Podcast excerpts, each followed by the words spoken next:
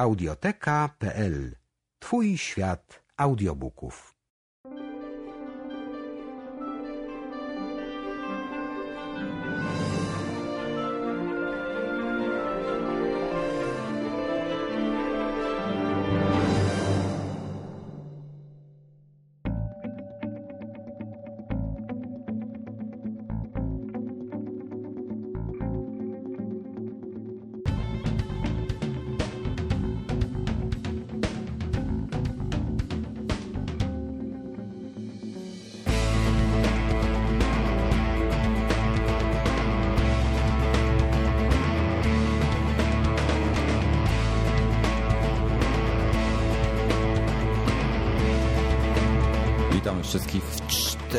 42 odcinku Nadgryzionych. W końcu jesteśmy w komplecie.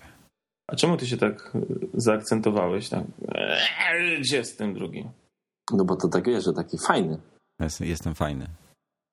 Wczoraj w, No. Wojtek w czapce siedział w domu. Dzisiaj też siedzę w czapce, kurde, bo mi jest zimno, no.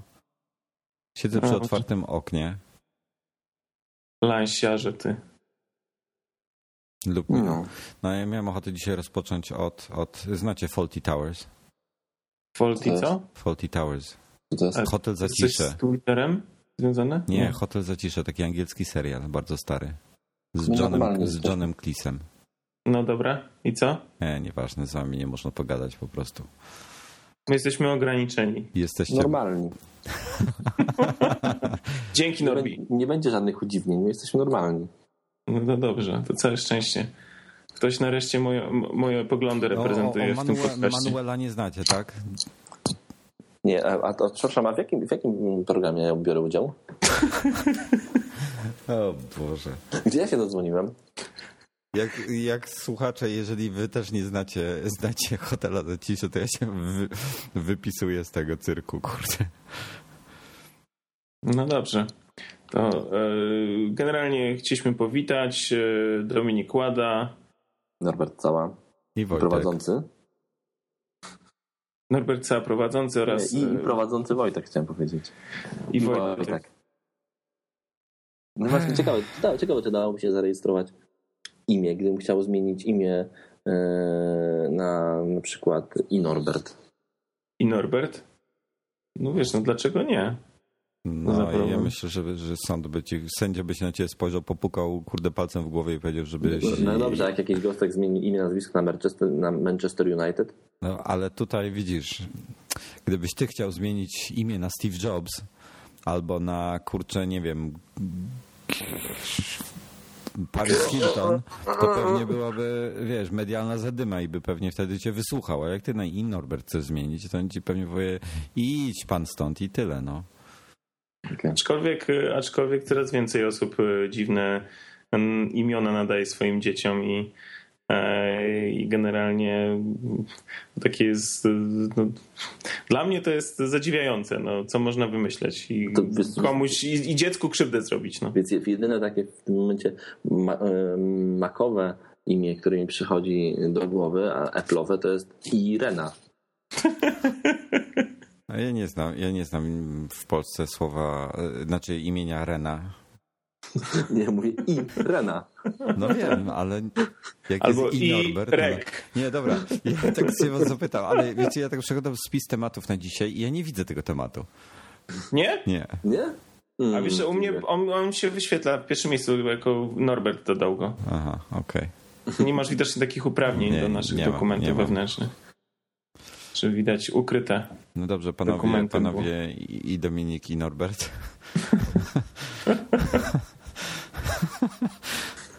Dobra, ekstrahuj. No już, raz, dwa. E, za, nie, to, to jest twój temat, ty go zarzuciłeś. Proszę, chcę zobaczyć, Ja- jak sobie poradzisz z nim. Ach, jak ja sobie poradzę. Znaczy nie, ja jestem po prostu zafascynowany tym, co można podrabiać i generalnie Czyli widzisz, e, do naszego do naszej redakcji dotarły już różne podróbki, które widzieliśmy od e, iPhone'ów przez iPady. E, Ostatnio mamy w tej chwili e, chińską myśl techniczną w postaci iPad 2 Case, generalnie zerżniętych iPad case'ów pierwszych, tylko przystosowanych ze smart coverem do działania z dwójką. Natomiast no to tak jakby wiadomo, to ta cała koncepcja pomysłów, kra, kradzenia pomysłów i robienia podróbek jest już od dawien dawna znana, od zawsze była. Natomiast e, myślę, że Chińczycy już w ogóle pobili wszystkich e, na głowę, nawet samych siebie, bo zaczęli otwierać podrobione Apple Story. Ciekawe, czy mają podrobionych klientów. Nie no, klienci są prawdziwi, natomiast co, co ciekawe, sami pracownicy tych Apple Store'ów podrobionych myślą, że pracują w Apple, czyli umowy też musiały być podrobione. Wiesz co, ale powiem ci tak, to jest sztuka nie, nie tyle podrobić produkt, co po, podrobić cały user experience po prostu. Stary, ale wyobraź sobie, że wchodzisz do sklepu, myślisz, że to jest Apple Store. W ogóle okazuje się, że w Chinach masz w tym momencie zamiast tam ale dwóch, masz, chyba. masz 15, tak? Tak, tak, no właśnie, właśnie to jest, bo po tym jak wyszło na jaw, jak ta cała akcja zaczęła być e, drążona na wszelkich możliwych e, mm, kanałach informacyjnych, łącznie z telewizją, nie mówiąc oczywiście o całym tym naszym e, świadku makowym, to bardzo szybko Apple zareagowało, e, skontaktowało się z no, odpowiednimi instytucjami e, w Chinach, no i te odpowiednie instytucje w szybki sposób pozamiatały i pozamykały te sklepy. Do mnie to mnie szczerze mówiąc bardzo dziwi, bo, bo jakoś nie wiem, jak BMW się kontaktowało z odpowiednimi instytucjami, to, to SsangYong czy jakiś tam inny producent dalej produkuje kurczę samochód, który wygląda identycznie jak X5, tylko nazywa się BMW X5 oczywiście, tylko nazywa się X100. Żartujesz, naprawdę? No. Naprawdę, no. Ale w ogóle samochody to są przecież kopiowane ja, ja na potęgę. Jeszcze, tak, ja myślę jedno pytanie do, do tych sklepów, e, bo ja ciągle nie odzyskałem odpowiedzi nie potrafiłem tego znaleźć. Czy te podrobione sklepy sprzedawały prawdziwe produkty, czy podrobione produkty? Znaczy, wiesz, generalnie... Yy... Nie, nie, nie. Odpowiedź tak albo nie. Podrobione, czy, czy prawdziwe? Teoretycznie, według tych informacji, które przekazywali, przekazywane były w, w, w różnych E, źródłach, których czytałem, tak, to teoretycznie były, teoretycznie były sprzedawane prawdziwe produkty. Natomiast... To ta historia trochę brzmi jak to, że jak, że jak Radio Erewań podało, że w Moskwie wołgi rozdają. Tylko, że okazało, że nie w Moskwie, tylko w Petersburgu. Nie wołgi, tylko rowery nie rozdają, tylko kradną.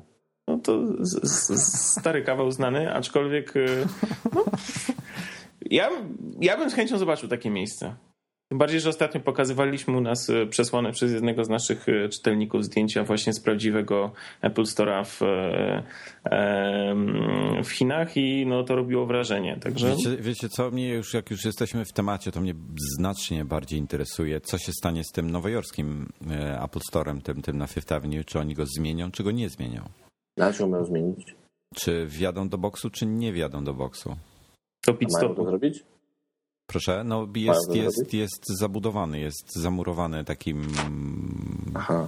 drewnianym pudłem. Ale, ale dlaczego? Bo w tej chwili jest y, rewitalizacja wszystkich y, salonów Apple'a, która również, uwaga, zaczyna się w Polsce. Wszyscy APR-y, czyli w tym wypadku salony iSpot, Cortland, y, i chyba tylko to.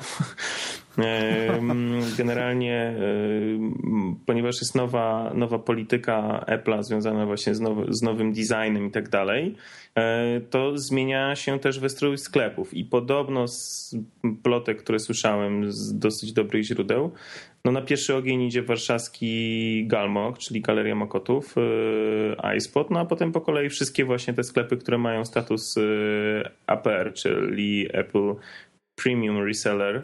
Nie mówię o pozostałych, które mogą sobie dowolnie wyglądać, które nie mają po prostu tego znaczka APR, no to będą według tych wytycznych Apple'a musiały zmienić swój wygląd i w związku z tym, e, w związku z tym e, myślę, że to jest związane z e, Piątą Aleją, który jest takim najbardziej flagshipem po prostu Apple'a, jeśli chodzi fajnie, o sklep. Fajnie było jakby pod kolumną Zygmunta otworzyli takiego, takiego podobnego takiego do tego, że jak w Szanghaju. To chyba by musieli zamknąć e, e, most WZ po prostu.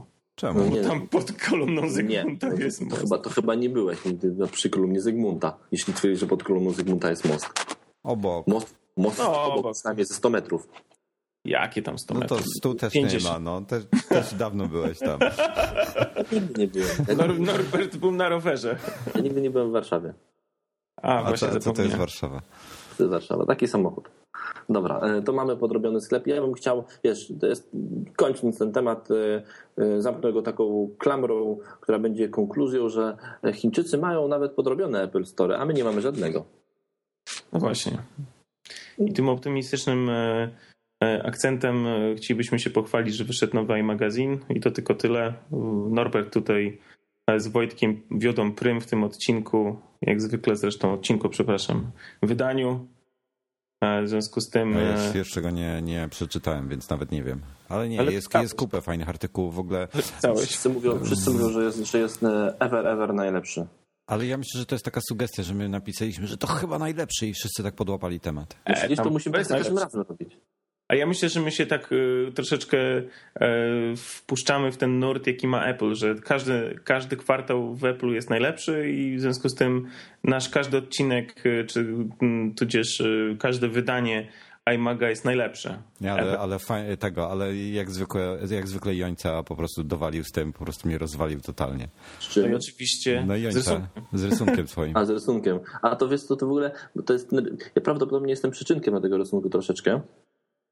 Bo z Pawłem rozmawialiśmy jakiś czas temu właśnie, że chcę kupić dla mojego kota na chińskiej stronie e, z chińskimi gadżetami taki future, który przyczepi taki GPS tracker. I możesz może położyć mu na, no wiesz, przyczepić mu do obruszki. Jak chodzi, później zobaczyć, gdzie on chodził. No żebyś i widział, czy był, czy był w kuwecie, czy narobił do szafy, tak? dokładnie tak.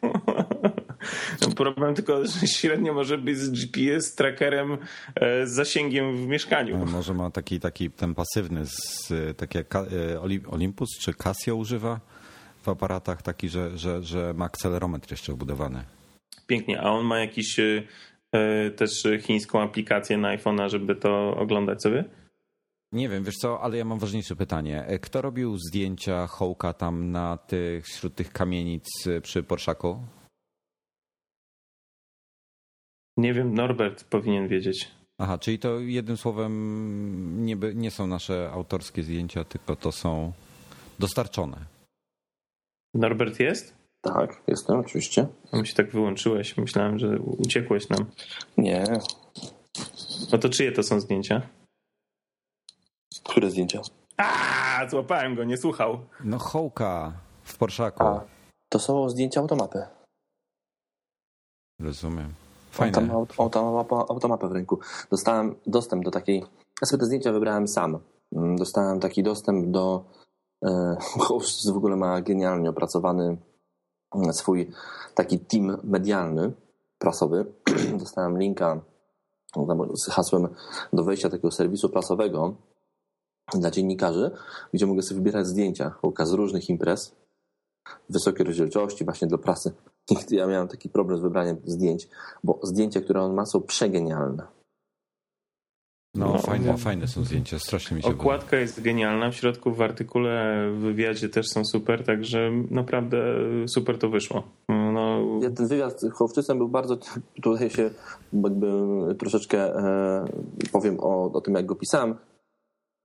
To był najtrudniejszy wywiad, który miałem, gdyż nie wiem, jeżeli go czytaliście, nie wiem, czy czytałeś Dominik i Wojtek, Nie, jeszcze E. właśnie nie, jeszcze nie miałem czasu. to jest takie bardziej story niż wywiad, e, ponieważ Hołowczyc jest e, e, człowiekiem, który porusza tak wiele tematów na raz, o tak wielu rzeczach mówi, że, e, że był problem ze spisaniem, ponieważ ja mu nie zadałem tak naprawdę żadnego pytania. To były, to były dwie godziny rozmowy. Jemu się nie dało zadać jednego pytania. Ej, weź następnym razem, kurde, jak z Hołkiem chętnie sobie pogadam też. No, w ogóle wam, jak będziecie chcieli, to dam wam, wam zapisany ten wywiad w takiej formie, jak on, jak on, jak on był, e, jak, jak, rozmawialiśmy. Niesamowite, tam nie dało, się, nie dało się z nim rozmawiać. On, on skakał po tematach, poruszał własne tematy, wrzucał, więc e, to było bardzo ciężkie zadanie spisać to, dlatego spisałem to w formie takiego story. Ale, ale wiecie co, ja tak właśnie przeglądam z iMaga i, i tego Cepelina R oglądam. Mhm. I ten Cepel, Cepelina R widziałem na żywo, e, właśnie w, w Stanach jak byłem, ale właśnie byłem, widziałem też te, te, te e, BMW, te kolumny takie, takie małe, MM1. Mhm. Kurde, to jest dzieło sztuki po prostu. W ogóle BMW robi e, ich, ich wszystkie rzeczy są dziełami sztuki. E, Nie, tutaj, tutaj nikt nam za to, za to, co teraz mówimy, nikt nam nie płaci tak a propos, po prostu to są tak niesamowite produkty i mają niesamowite ceny przy okazji. Dokładnie tak. No ale jeszcze nie dość, że wyglądają, to jeszcze To grają. super grają. To ja, jest... nie wiem, jeżeli też przeczytacie sobie ten artykuł, w nim jest takie jedno zdanie na początku, które prawie otwieram Mam takiego kumpla, który ma mocne skłonności audiofilskie, mm, czyli, czyli, czyli nie jest już człowiekiem do końca zdrowym. Mm, On stronie od elektroniki, Edepla w szczególności, e, i mówi, że on nie musi słuchać e, tego Cepelina, bo on wie, że BMW nigdy by nie zrobiło żadnego sprzętu, który źle gra. Więc on, on, wie, on bez słuchania wie, że to On jest, audio, on jest audiofilem i w ogóle nie słucha niczego dlatego. Słuchajcie, Tak, on- ja, on ja jest- inaczej. Ja kiedyś wybierałem sobie głośniki, e, i to już było u, z 12 lat temu do domu, no i tam sala odsłuchowa, kolejne głośniki podstawiali, półkę, półki cenowe były coraz wyższe. No i w końcu, w końcu właśnie przeszło, przeszło do BMW. Piękne, piękne głośniki, e, takie małe kolumny. e, Na stojakach powinny być z takimi trąbkami na górze jako, jako Twittery. No tak, E, standard, czyli to jest standardowy głośnik. BMW. Tak. Ale, ale taki po prostu sam design tej trąbki na górze, która była osobno wypuszczona, był niesamowity. E, No i ten, i właśnie, właśnie pamiętam wtedy, że e, dźwięk był niesamowity. No i mówię, dobra, to te, ile one kosztują? 10 tysięcy. A Ja tak złapałem się za głowę. Ktoś tak się patrzy. Za sztukę. A ja Dolarów. tak potęgował napięcie. no, no. Dobrze. Szkoda, że nie pesos kolumbijskich. kolumbijskich pesos. No. E, No naprawdę, to jest, to jest, to jest te kolumny, o których mówisz, to są nau- Nautilusy. E, Są mm, przepiękne. Tak, Nautilusy, dokładnie. Dokładnie tak. Ja też e, wrzucając ka- zajawkę, żebyście, żeby, znaczy słuchacze chętnie przeczytali ten test, napisałem, że tutaj tak w kierunku Wojtka troszeczkę, że jeśli nigdy nie słyszeliście o Nautilusach, to te głośniki są jak skrzyżowanie Alfa Romeo Brera i Oldsmobile Tornado lub Moniki Bellucci z Heidi Klum. Ja wolę to drugie porównanie zdecydowanie. Bo je- jedna i druga e, ma coś w sobie, także. Ej, Panowie, kurczę, dlaczego my wracamy do tematu, który mieliśmy przed nagraniem? No to Dobrze, przechodzimy dalej. widzę, że dzisiaj mocno celujemy w jednym kierunku. Może powinniśmy dzisiaj- się skoncentrować na... Ja tak podpowiem tylko, że, że mieliśmy. Czy, Ja mówiłem o Oldsmobile Tornado i Alfa Romeo Brera. Że wy sobie wybraliście drugie porównanie, ta, to- Domi- Dominik miał problemy techniczne przed nagraniem, dosyć długo na niego czekaliśmy i z nudów em, czytałem jakiś tam artykuł na Twitterze znalazłem. To- Z oj tam, oj nie, nie, tam. poczekaj, prze, prze, Oj tam, oj tam. Z tego artykułu o jakimś, o jakimś, o czym to było? Nie, nie, Norbertowi podsyłałem. A, jakiś wypadek e, w Monte Carlo, jakichś drogich samochodów.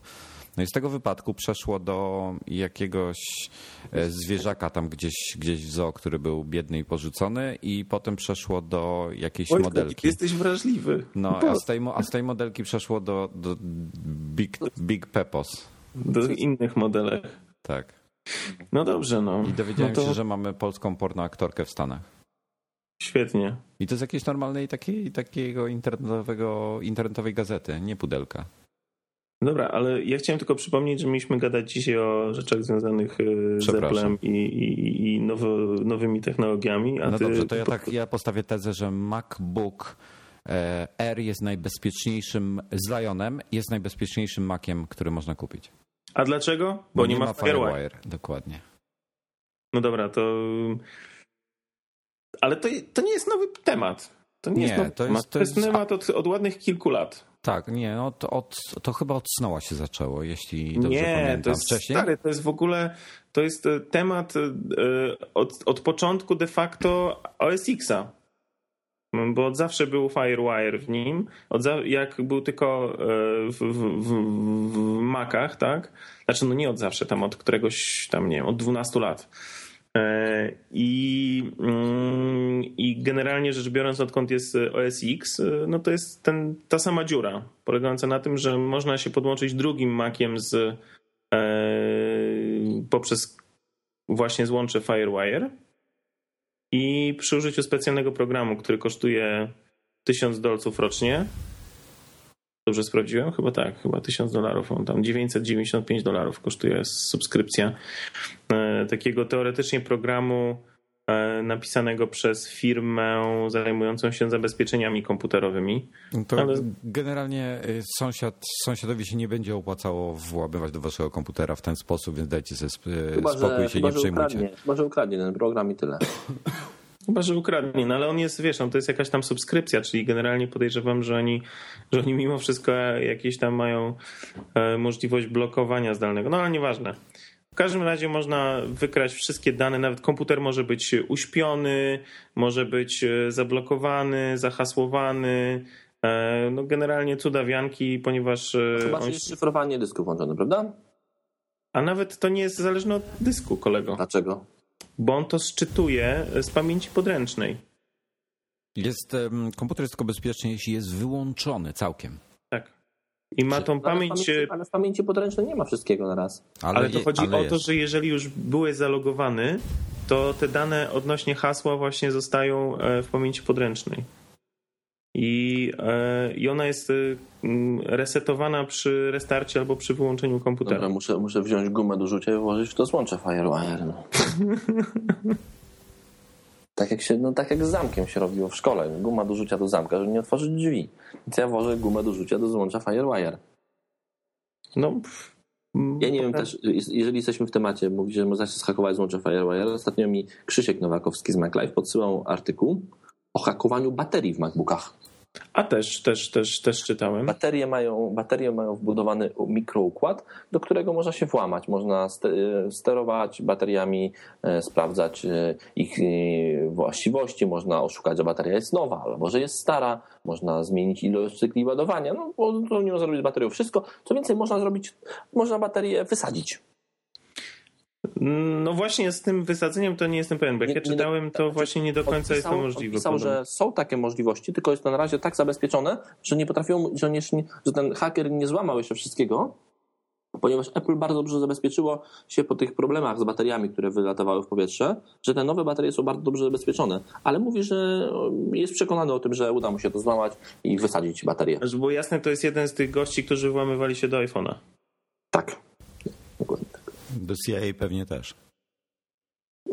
Nie wiem, być może. Na pewno do Sony. Na pewno do Sony. Do Sony się mamowali wszyscy. No jest genialna. Z... A to a propos, to jeszcze wspomnę, wspomnę o tego, o, o moim nowym projekcie. E, tylko muszę linka znaleźć, bo nie pamiętam. No. Gdzie, gdzie jest Ergo? Tak. Czy już wiadomo, kiedy będzie? Tak, bo tak, bo y, swojego czasu powstała strona, y, czy Sony zostało już zhakowane w tym tygodniu i co tam wchodziłem, to była odpowiedź tak, wraz z historią. No i podpowiem, że, że zdecydowałem się założyć stronę i uwaga, podaję teraz adres. Oczywiście po, przeczytam po polsku, ale będzie bez polskich znaków. Czy już wiadomo, kiedy będzie ergo? Kropka tumblr.com. Tumblr się pisze przez bez literki e, czyli Tumblr. Wiesz co, ja, mi, mi, się wydaje, że jesteś złośliwy, ale to może mi się wydaje. Nie, do fanu to zrobiłem, ale Paweł się nie odezwał. Natomiast, kurde, y, Paweł II, czyli, czyli Opydo się nabijał z, właśnie z Nowaka przy okazji na Facebooku, także... Chyba nie na Facebooku, tylko na Google+. A może na Google+. No nie, nie Pozdrawiamy w każdym razie obu Pawłów. To nie, nieważne. Bo ge, ge, geki się nabijają na tym, na, geki rozmawiają tylko na Google+. A... Co, e, moje doświadczenia z wczoraj może Wojtek wpisać, ja powiedziałem dziękuję. Google+? A, z Google+? Tak. Tak, bo wczoraj ruszaliśmy, akurat testowaliśmy Hangouta e, z pewnych względów i to jest to takie, takie, taki Skype Google'owy jakby i no niestety nie chciało to wczoraj, akurat odmawiało no zupełnie nie, no to jest, to, to, jest, to jest jakaś paranoja. Mój komputer, który wymuskałem sobie, po prostu wszystko w tym systemie za, zaczął mi wreszcie po instalacji Liona działać pięknie. Zainstalowałem to gówno na Firefoxie i po prostu wszystko mi zaczęło się rypać. Odradzam. Odradzam Google Plus. To jest w ogóle jakieś nieporozumienie. A dzisiaj przeczytałem, że po początkowym totalnym e, zafascynowaniu e, internautów usługą Google Plus, e, teraz zaczęło drastycznie spadać zainteresowanie No bo, tym. no bo chyba ciągle jest zablokowany, prawda? Tam chyba nie On jest cały czas na, tak, jest cały czas na No, zaproszenia. No Ale więc- tam cały czas pokazują, ile milionów, miliardów ludzi tam ci, co, wchodzi. ci, co, ci, co ludzie, którzy dostali, chcieli być tam, już dostali zaproszenie i są. No, ale to musiałoby się potoczyć. Ja, czy, to jest nie temat na tą rozmowę. Pewnie możemy zrobić o tym kolejnych nadgryzionych. Ja nie sądzę, że Google Plus osiągnęło jakiś, jakiś sukces na miarę Facebooka. To nie sądzę. To zostawmy na następnych nadgryzionych, a e, póki co pojawiła się informacja, że e, są jakieś problemy z SSD w MacBookach Air. Znaczy problemy, problemy. Dwa różne modele są po prostu. Są, są SSD i Samsunga i Toshiby. Te Samsunga są szybsze i to sporo i to, to było też w poprzednich e, erach, także e, różnice tam dochodzą do chyba między 60-80 megabajtów na sekundę, zależy Ale to kto były testuje. montowane w tych samych e, urządzeniach, które miały te same mm, num- tak, tak, numery. tak, tak, tak, tak, tak. Toshiba produktowe, była, tak? Tak, Toshiba była starsza. Dyski Toshiby były starsze, dyski Samsunga są nowsze i są szybsze. I różnica jest, to testy na przykład z kwietnia chyba to było, czekaj, tak, z kwietnia, 17 kwietnia. E, Na iMagu o tym pisałem ja, MacBook, MacBooki R z szybszymi SSD, taki jest tytuł artykułu. Mhm. I wtedy właśnie, jak to było? Czekaj, 260 do 210 e, megabajtów na sekundę e, odczyt i 210 do 175 zapis. Także jest różnica. E, Tam No, jakaś, jed- jed- jedna trzecia. No. no, je- jakaś, jakaś inna osoba, inna osoba tam miała nawet ciut in, jeszcze wyższe wyniki. Znaczy wolniej, miała niższe wyniki dla Toshiby, wyższe dla Samsunga z jakiegoś powodu. Nieważne. Em, Niemniej jednak mm, wiesz, większość ludzi pewnikiem tego nie zauważy. Te SSD i tak są na tyle szybkie, tym bardziej jak, jak ludzie takie ery używają do internetu, do Bóg wie, jakichś takich pierdół generalnie. To Tylko jest duży- różnica niezauważalna. Tylko Natomiast, problem jest taki, no mów, przepraszam. natomiast no, jest ta różnica. No tak, ale mówisz, że e, ten, e, że e, czekajcie, mówisz, że e, można sprawdzić to, ale to jak MacBook jest zapakowany, to nie sprawdzisz. Nie, nie, nie. Trzeba, trzeba wejść w informację o systemie. Właśnie, może wy mi powiecie, jak się to po polsku nazywa, bo kiedyś to się nazywało w, w em, 10.5 i 10.6 to się nazywało System Profiler, czyli profilator systemu. Nie, to się nazywa więcej informacji. Więcej informacji po polsku, tak? Tak, nie, nie, raport, więcej informacji, raport systemu, przepraszam, raport systemu. Raport systemu, okej, Tak, bo, raport bo w. Lionie to się zmieniło po angielsku nazwę System Profiler na System Information po prostu. Y, I to jest oczywiście tam po kliknięciu w jabłuszko macie y, ten Mac i potem macie jeszcze więcej informacji, taką, taki, taki przycisk i wtedy się otwiera taki programik. No i tam można sobie sprawdzić, jaki jest dysk. Natomiast y, no, chyba nikt nie pozwoli nam rozpakować, sprawdzić y, sobie w sklepie przed zakupem. W Stanach o tyle wygodne, że można zwrócić tam w przeciągu, nie wiem, 30 dni chyba, prawda? No w Polsce też. No nie za bardzo. No, nie, no prawo prze... znaczy, chyba nie, tylko to kupujcie przez internet, jak przez internet się kupuje, można zwrócić. Ale wtedy tam będą pewnie mm, za, za... robią problemy, jeśli jest opakowanie zerwane, jakieś takie bzdury. Nie no, przez, polskie prawo mówi, że przez internet zawsze można zwrócić, więc Jeśli, na, na pewno, nawet jeśli jest rozpakowany. Oczy- no oczywiście. A no to jeżeli ktoś, jakiś prawnik tego słucha, czy, czy ktoś coś na tym zna, to dajcie znać. Bo też jestem ciekawy.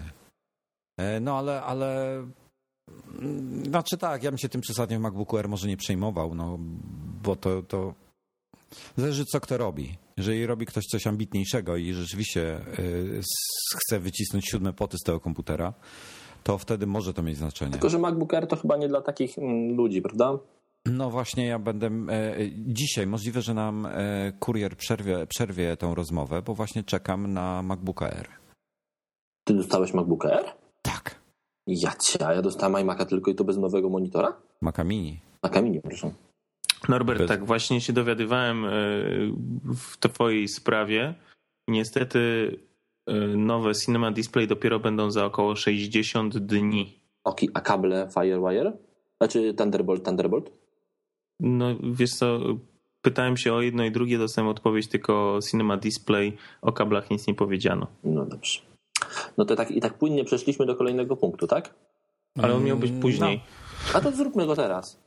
No dobra, no generalnie, proszę Państwa, udało nam się, mamy w biurze e, najnowszego Maca Mini, tą wersję na, standardową, najmocniejszą, bo może być jeszcze mocniejsza e, na zamówienie. Tak, Tak. na zamówienie. A ja sam zmienię na siódemkę. Tak? No dobrze. Wy będziesz tam z lodownicą latał, rozumiem. Dokładnie tak. W okularach takich z Ale, ale tak, warto zaznaczyć, nie jest to wersja serwerowa, która ma czterordzeniową i siódemkę, tylko jest to... I piątka. I piątka dwurdzeniowa. Dokładnie. Bez napędu DVD. Bez napędu bo, DVD. Bo żadne iMac nie ma napędu DVD już. Ja Dokładnie. właśnie wczoraj, w, w, a zresztą, mia, mia, miałem e, wczoraj ciekawą myśl i, i kolejny projekt, który chcę zrealizować właśnie Miałeś a propos... myśl. A, tak, tak, a propos bra, braku napędu. A i kurna, to dzisiaj każdy widzę, że jest złośliwy. No. Straszne To, złośliwość. e. Problem braku napędu, no to jest najprościej, co można w to zrobić, to można w to miejsce włożyć, bo tam miejsca bardzo dużo jest, włożyć SSD na przykład do środka drugi. Ale jest złącze? No złączenie, ale da się to obejść podobno. E, Jest tak, jest miejsce na, na ten. Właśnie problem chyba jest taki, że nie ma kabla, prawda? No tak, ale to nie wiem, mm, podobno da się to obejść, o tak.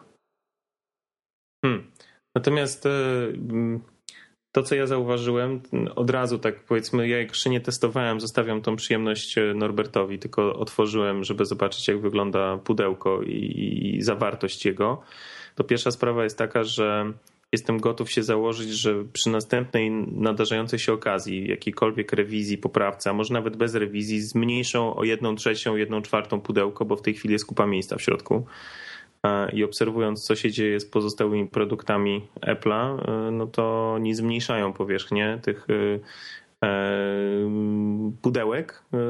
A z racji tego, że nie masz płyt, nie masz dodatkowych kabli, nie masz zasilacza, no to, to jest nam naprawdę bardzo dużo miejsca w tym pudełku. To jest jedna rzecz, którą zauważyłem. Druga rzecz, którą zauważyłem, że jest od razu z Lionem i jest też nowa klawiatura. No to dobrze, że nie używane. To znaczy? No, że, no, że, że klawiatura jest nowa, a nie używana. Nowa, nieużywana. tak. No nie wiem o co ci chodzi, ale okej. W każdym No razie. gdyby dawali używaną klawiaturę w komplecie, to byłby skandal. Rzeczywiście. Tutaj, nie, tutaj cytuję akurat Pawła, jak z Norbertem się przekomarzali na A Facebooku. to akurat jak, ze mną było. to z tobą było, myślałem, z Norbertem. Kurde, po prostu. Nie, nie, nie, no jest, jest, y, chodzi konkretnie o to, że są, y, jest nowy, jeden, ale w zasadzie są dwa nowe przyciski, bo ten, y, ten, który do tej pory od- odpowiadał za expose, troszeczkę inaczej wygląda i jest w tej chwili odpowiedzialny za mission control. No i drugi, który kiedyś był za dashboard, to w tej chwili jest za launchpada. No i dlaczego Ja, ja, znaczy tak, te klawiatury fizycznie są inne, mają jakiś inny firmware, bo te przyciski tak, tak, spełniają tak. inną funkcję. Nie Dokładnie. można chyba zmieniać ich funkcji, Nie, chociaż nie, może, e, może by jakoś jakieś haki będą, Znaczy, jak bo pod, jestem... podpinasz klawiaturę taką starą, no to masz te stare przyciski i Ja ona w systemie z- jest odkrywana. Ja jako- jestem zbulwersowany tą, tą, tą, tą, tym przyciskiem Launchpad. Zamiast No, dashboarda? po- no powinien, zamiast dashboarda, on powinien zostać zabroniony prawnie. Bo? Bo Launchpad powinien być zabroniony prawnie. A, no, jest, po- podobno w Polsce, w Polsce ma być, ale to musi, wygra- ten, musi wygrać e, SLD, żeby był zabroniony. I wtedy będą chcieli zabronić. Nie, polityk, o polityce tu nie poruszamy, bo to jest za, za, za głęboki temat. To nie Radio Tok FM? O, przepraszam, źle się dozwoniłem. No dobrze. Dobra, nie, i jeszcze, jeszcze coś jeszcze o tych tych makach mini? Coś chce, No, chcemy będziemy coś testowali, powiedzieć? bardzo widzę, bardzo widzę, tam się o gorąco zrobiło pod wpisem, który Dominik wrzucił na naszej stronie magazyn.pl.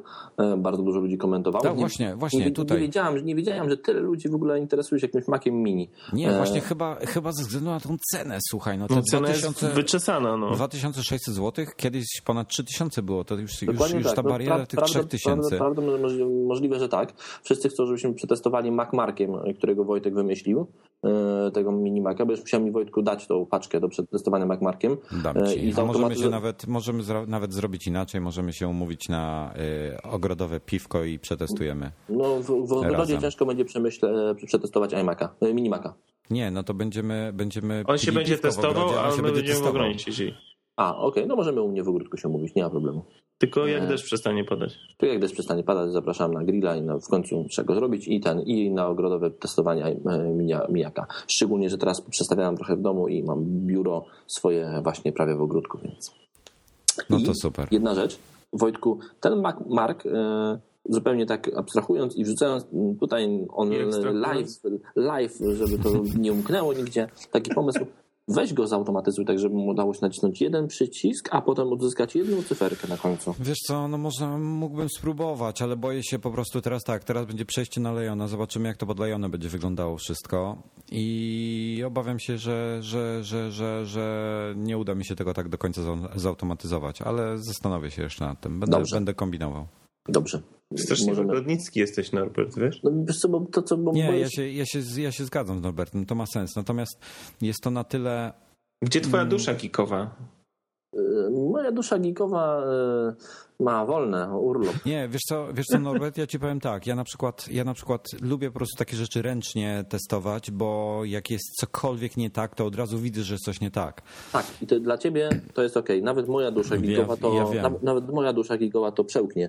Y, Tyle, Ale że może być to problematyczne dla naszych czytelników, którzy by chcieli z tego... Bo w tym momencie jest to narzędzie tylko dla nas, a może by z tego zrobić narzędzie dla ogółu. Tak, ja cały czas y, musimy się zastanowić nad jakimś serwerem, gdzie możemy te pliki wrzucić, e, żeby... No Niestety żeby... to jest dosyć duża paczka, także to tak, to też jest, tam, to jest tam parę giga, No, także... mamy, mamy taki serwer be- bez, bez, bez I tego. tak się, i tak się Ten, co się wiesza zawsze przy wszelkich imprezach Apple'owych. Tam się wiesza, e, wiesza się e, MySQL, e, a nie, a nie sam serwer i już się nie będzie wieszał. Aha, no to dobrze, to dobra wieść. Bo tam już nowy Mac Mini teraz pracuje, który jest ponoć pancerny. 16. 16 magów mini połączonych w jedną całość. Żarcik, żarcik. Dobrze. E, coś tam mamy jeszcze następny, tak? E, Tak, ostatnio, ostatnio y, kontaktował się z nami, y, kontaktowała się z nami Audioteka i dowiedzieli, bo my się cały czas podpytujemy ich o grę o Tron, słuchajcie.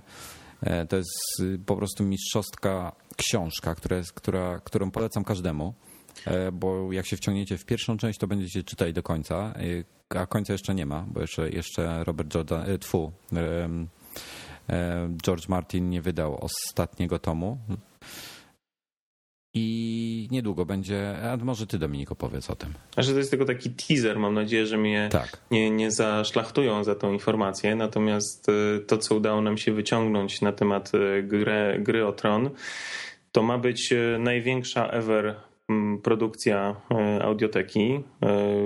Ilość aktu, aktorów zatrudnionych do tej mm, produkcji ma być zbliżona do Narenturn, czyli około 100. E, W związku z tym, no, jak usłyszałem z, z audioteki, e, to cała książka, wręcz prosi się o przygotowanie właśnie takiej mega produkcji z podziałem na głosy i aktorów, bo jest po prostu tak dobrze napisana i tak, e, tak fajnie można to wykorzystać. No i tam ma być cała plejada, plejada gwiazd zaangażowana w, w, w, czytanie, e, w czytanie gry o Tron. E, Między innymi, to już teraz mogę powiedzieć, podobno narratorem ma być e, Maciej Sztur. No i to, to będzie. No ja właśnie, kurde, ja tak się ucieszyłem, że sztur będzie. Ja bardzo lubię szturów. Ciekawe, I- ciekawe, czy ten, ciekawe, czy będzie właśnie e, e, grał głosem Shreka. Nie Shreka, tylko osła. Nie, nie, to przecież młodszy sztur jest. A, no tak. faktycznie. To starszy ga, gadał, gadał tego. No tak, masz. Osiołkiem jest e, starszy. E, No to w każdym razie to taką mamy informację audiote- od audioteki, która jest naszym partnerem w Nadgryzionych. E, No i, i co? I zapraszamy. Zapraszamy do, do słuchania i kupowania raz. książek. No E, tak, jeszcze raz przypomnijmy. Kod zniżkowy nadgryzieni 10% wasze w kieszeni. Dokładnie. No i dzisiaj tradycyjnie po, po, na, na koniec nadgryzionych będzie kolejny e, rozdział jakiejś kolejnej książki. Co na, na ten tydzień wybrałeś, Wojtku? No właśnie nie wiem. E, Myślę, że, że zastanawiam się, czy jeszcze jeden Stiga Larsona puścić, czy, czy ostatnio była, padła propozycja, w, żeby... Pamiętniki żeby Fanny Hill. Y, też, ale, ale nie. E, bardziej, bardziej padła prośba o Sherlocka Holmesa. No, to też jest fajny pomysł. To też jest fajny pomysł. No to e, pozostawiamy was w tej chwili w, w takim... W takiej niepewności. Lekkiej niepewności. E, zobaczycie, co będzie na koniec, a my póki co przechodzimy do kolejnego tematu. Tutaj sympatyczny kolega chciał coś powiedzieć o Logitechu, wireless speakerze. Tak, tak, tak. Tego, tego wireless speakera mam i tam narzekałem na niego, że, że tam on, y, czasami coś tam się w nim rozłączało. E, ale odkąd już mam nową betę i tak właśnie podejrzewałem, że to jest wina, właśnie z Norbertem na ten temat rozmawialiśmy, że to wina bety była iOS-a. No i teraz jak już czwarta jest, no to wszystko jest w porządku w końcu. E, działa to bezprzewodowo. Kurde, no po prostu ten głośnik to jest to, co pamiętasz, Dominik, jakiś czas temu mówiłem na ten temat, że potrzebuję jakiś bezprzewodowy głośnik, który będę mógł sobie postawić gdziekolwiek chcę, e, żeby sobie słuchać właśnie mm -hmm. czy mhm. audio książek i tak dalej. No i używam go w tej chwili namiętnie. Jest po prostu niesamowite urządzenie. Ale... A jak tam z jakością dźwięku? No, nie jest to Bowers and Wilkins, tak? Natomiast wiesz, no jest 10 razy lepiej niż, czy 100 razy lepiej niż ten głośniczek w iPhone'ie czy w iPadzie, także e, generalnie super sprawa. Jestem zachwycony tym, że, że to działa bezprzewodowo. Ten tam trzyma spokojnie cały dzień na tej baterii, bo to 10 godzin czy jakiś taki absurd, więc ale to, to, znaczy warto dodać, że to jest e, ten głośnik jest serii produktów, które e, Logitech w tej chwili wprowadza na rynek polski. To są produkty, które są dedykowane e, iPadowi, generalnie iPadom. Ale, ale Aczkolwiek działają też, innym. oczywiście działają też z innymi produktami Apple'a. Jeżeli, jest... jeżeli, znaczy tak, z tego co patrzyłem w specyfikacji, jeżeli, jeżeli wasz smartfon, czy jakiś tam MP3 player, czy cokolwiek e, wspiera Bluetootha po AD2P, czy jak to tam się nazywa, e, to będzie to działało, ewentualnie można nawet z mini jacka korzystać e, i, i, i kabelkiem się podłączyć, także pancerne rozwiązanie praktycznie do każdego urządzenia w tej chwili. Polecasz? Tak, polecę go, naprawdę go polecę, bo yy, nie wiem, będziesz musiał Logitechowi powiedzieć, że uległ zniszczeniu albo coś, bo po prostu. Wiesz... No, mam nadzieję, że e, nie, słysze, nie będą słysza, słyszeli tego zdania akurat w naszym podcaście, bo może być problem, ale, ale zobaczymy. No, póki co, e, póki co e, testujemy różne produkty Logitecha u nas w redakcji. W tej chwili właśnie z tej całej linii, która została wprowadzona, no dosłownie na tych, w tych dniach jest wprowadzana do, do sprzedaży. No już przetestowaliśmy dwie klawiatury, dwa głośniki, jeszcze przed nami są słuchawki. Także... Ja tak, ja właśnie były głośniki testowałem. Tak. No jedną klawiaturę też jeszcze. Tak, tak, klawiatura jest bardzo A, właśnie, ja tak od razu, od razu wrócę na moment, bo zapomniałem o tym, e, a propos, a propos różnych urządzeń do testów. E, a propos Maca Mini, czy mamy możliwość załatwienia SSD? Bo tam padło pytanie, właśnie było, było dużo tych próśb e, o tak, jeszcze Vertexa i po prostu Bototryc. Nie, no mniejsza, mniejsza o Vertexa, ale, ale, ale jakiś SSD fajnie byłoby tam stawić, Mamy, mamy, takiego, mamy Kensingtona Vertexa, wyjmiemy od Dominika. Kingstona. Kingstona, przepraszam. Tak, to jest pomysł. To jest dobrze, pomysł. dobrze. Nie, ale Dominik, kombinuj SSD, może, może coś fajnego wyjdzie z tego. Nie, no, po prostu niech, niech Dominik wyjmie po prostu. No. Tak, no oczywiście. No tak. Dobrze. E, to... O, e, ja powiedziałem, dobrze, przechodzimy dalej. powiedzmy, że postaram się coś zrobić z, z SSD, żeby, e, żeby jakiś do testów znaleźć, wypożyczyć, dostać. No to, to, to, to Kuba Skoczek cię będzie trzymał za słowo, bo to on chyba najbardziej cisnął. No wiesz co, znaczy ktoś, ktoś jeszcze podrzucił jeden pomysł, aczkolwiek no niestety nie mamy takiego komputera dostępnego, mamy tylko tego mini, nie mamy mini serwer. Mini serwer ma lepszy procesor, i ma dwa dyski i wtedy właśnie zrobić tak z SSD, z tym lepszym procesorem, walić mu na full RAMu, to się zaczyna robić już naprawdę totalny odlot. To znaczy ja powiem tak, e, już wiem, że serwerowa e, serwerówka jest dostępna do testów, także możemy, możemy ją zamówić. E, tylko wersja jest bez SSD. To znaczy musimy SSD we własnym zakresie, bo te SSD są opcjonalne i Apple do testów nie dostarcza niestety y, takich kompletów. No to będziemy, mm, będziemy się starali coś takiego zrobić, żeby taki SSD w jakiś sposób e, mm, otrzymać do testu. A przy okazji może to będzie ciekawe e, przeprowadzić test właśnie SSD samego. Znaczy, ja, ja, ja podpowiem tak, ja, jeż- jeżeli, jeżeli przypadkiem byśmy. Kurczę, tylko jak ja to zrobię? No, ja no dobra, ale ja to chyba bym- nie temat na nadgryzionych. Jak No ty to dobrze. zrobisz? Okej, dobrze, No. przepraszam. Proszę. Panowie, e, to jeżeli mamy przejść dalej, to ja mam tylko jeszcze taką e, ciekawostkę, do której ostatnio mm, zajrzałem, czyli konkretnie do naszych e, statystyk i zobaczyłem, jak szybko rośnie liczba użytkowników Liona. Przynajmniej na przykładzie naszej strony iMagazine.pl. I okazuje się, że no w tej chwili mija tydzień tak, od, od premiery. E, No i, ile już procent dzisiaj mamy? Mamy prawie 56% Mac userów łączących się z naszą stroną. To w tej chwili tak od, od, od poniedziałku e, mniej więcej jest e, stała e, wysokość. Tam jest, e, przyrasta teraz po, po, po kilka dziennie kilka dziesiątych e, procenta. Natomiast e, już w tej chwili jest ponad e, właśnie 56% e, czytelników Mac userów, czyli tych, których, którzy łączą się z, z komputerów. Nie mówię o iPadach, iPhone'ach, tylko tych, których łączą się, którzy łączą się z komputerów, właśnie posiada już zainstalowanego Liona. Dosyć szybko, no. Ja poczekaj, to ja wam zaraz powiem też, jak to wygląda, wyglądało na przykład u mnie na stronie, bo u mnie też było jakoś 57-64. O, No to, Na to jest, widać, widać są te statystyki bardzo zbliżone, czyli, czyli e, czasami ludzie odwiedzają te same strony. No, to, to niewątpliwe, natomiast y, myślę, że z drugiej strony to też pokazuje, jak, jak mniej więcej wygląda rynek w tej chwili. Że to, to sta, stał rośnie ten największy skok y, jakościowy, że tak powiem, był w przeciągu pierwszych dwóch dni. No, a potem sukcesywnie rosło, no i teraz już, y, już jest przeważająca liczba użytkowników y, na Lionie. U mnie, y, mnie jeszcze dosyć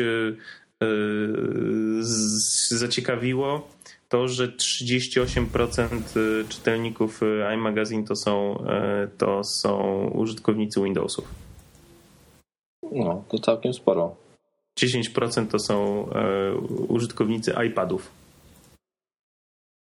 No, także No właśnie jest bardzo dużo, dużo iPadowców i to jest dla mnie szokujące. Natomiast właśnie patrzę przez Google Analytics i mam tą nową wersję. Co Google nową? Analytics. Mhm. Na górze w linku masz, Nowa na wersja? górze masz new version. I najlepsze jest to, że w nowej wersji nie mogę sobie znaleźć e, zakładki system operacyjny. Kurde. Nie ma Tak? to jak wycinaj. No nie ma. Nie, no myślę, Przynajmniej że są. Serio. Użytkownicy- Nie ma. Mam tylko, mam Nie, no, tylko przeglądarki. użyt- Użytkownicy, omówienie, technologia, przeglądarka i system operacyjny. No to super, że zrobili taki tak, tak łatwo dostępne w prosty sposób. I mam teraz przeglądarka, system operacyjny. I mam ja też przeglądam nową wersję, nową system operacyjny jest. ale, no to to, powiem- ale to trzeba kliknąć w nową wersję tam, tak? Tak, u góry nowa wersja. I to inaczej wygląda wtedy? Zupełnie. Ja, Czy nie, ja nie wiem, czy- tak. Ja nie wiem, czy chcę przełączać. No to nie musisz, no wiesz, nie ma obowiązku klikania. W Polsce też jeszcze to nie jest obowiązkowe. Jeszcze nie? Jeszcze nie, ale też niedługo. O, Do wyborów. do wyborów. No, ja wam podpowiem, że na makowym ABC jest 42% za ostatnie dwa tygodnie już.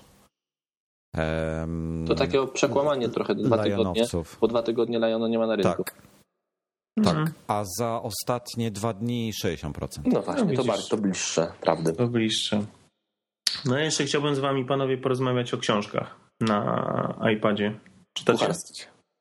Kucharskich A mogą być książkach. książki kucharskie też. Znaczy tak, ja, ja na przykład nie czytam książek e, na Kucharskich. iPadzie z żadnych tych, tych znanych księgarni, czyli z e, Barnes, Noble, z Kindle Store i tak dalej.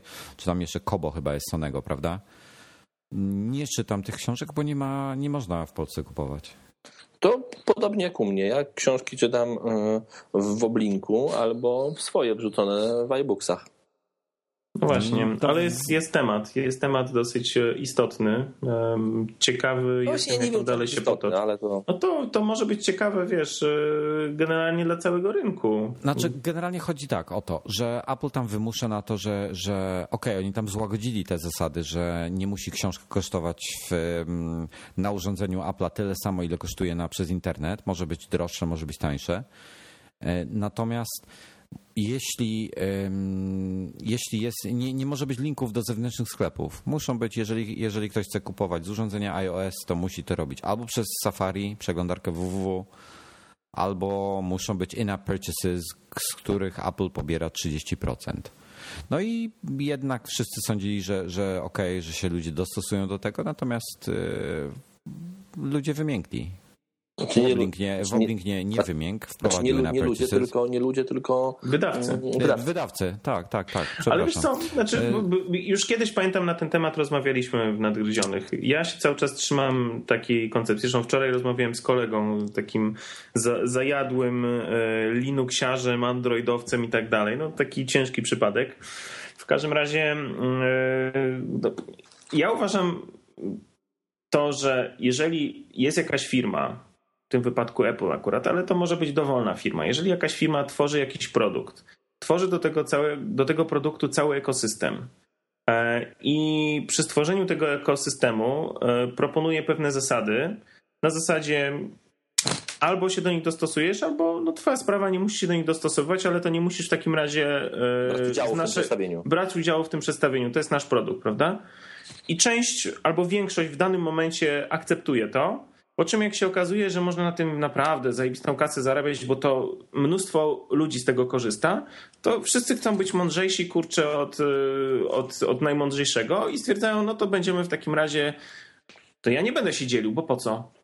Ale słuchaj, ale ja ci powiem tak, jak, mnie jako użytkownika gówno za przeproszeniem obchodzi, czy Apple na tym zarabia, czy nie, czy kto na tym zarabia i kto na tym traci. No tak, Ja ale to chodzi o, o jakąś taką, poczekaj. wiesz, to chodzi o Ale jakąś... nie, ale słuchaj, prawda jest taka, że po prostu użytkownicy Kindle, użytkownicy Barnes Noble mają w tej chwili problem, bo muszą przechodzić do przeglądarki www, kupować tam, yy, dopiero ponownie No bo to jest wina e, Barnes Noble albo Kindle.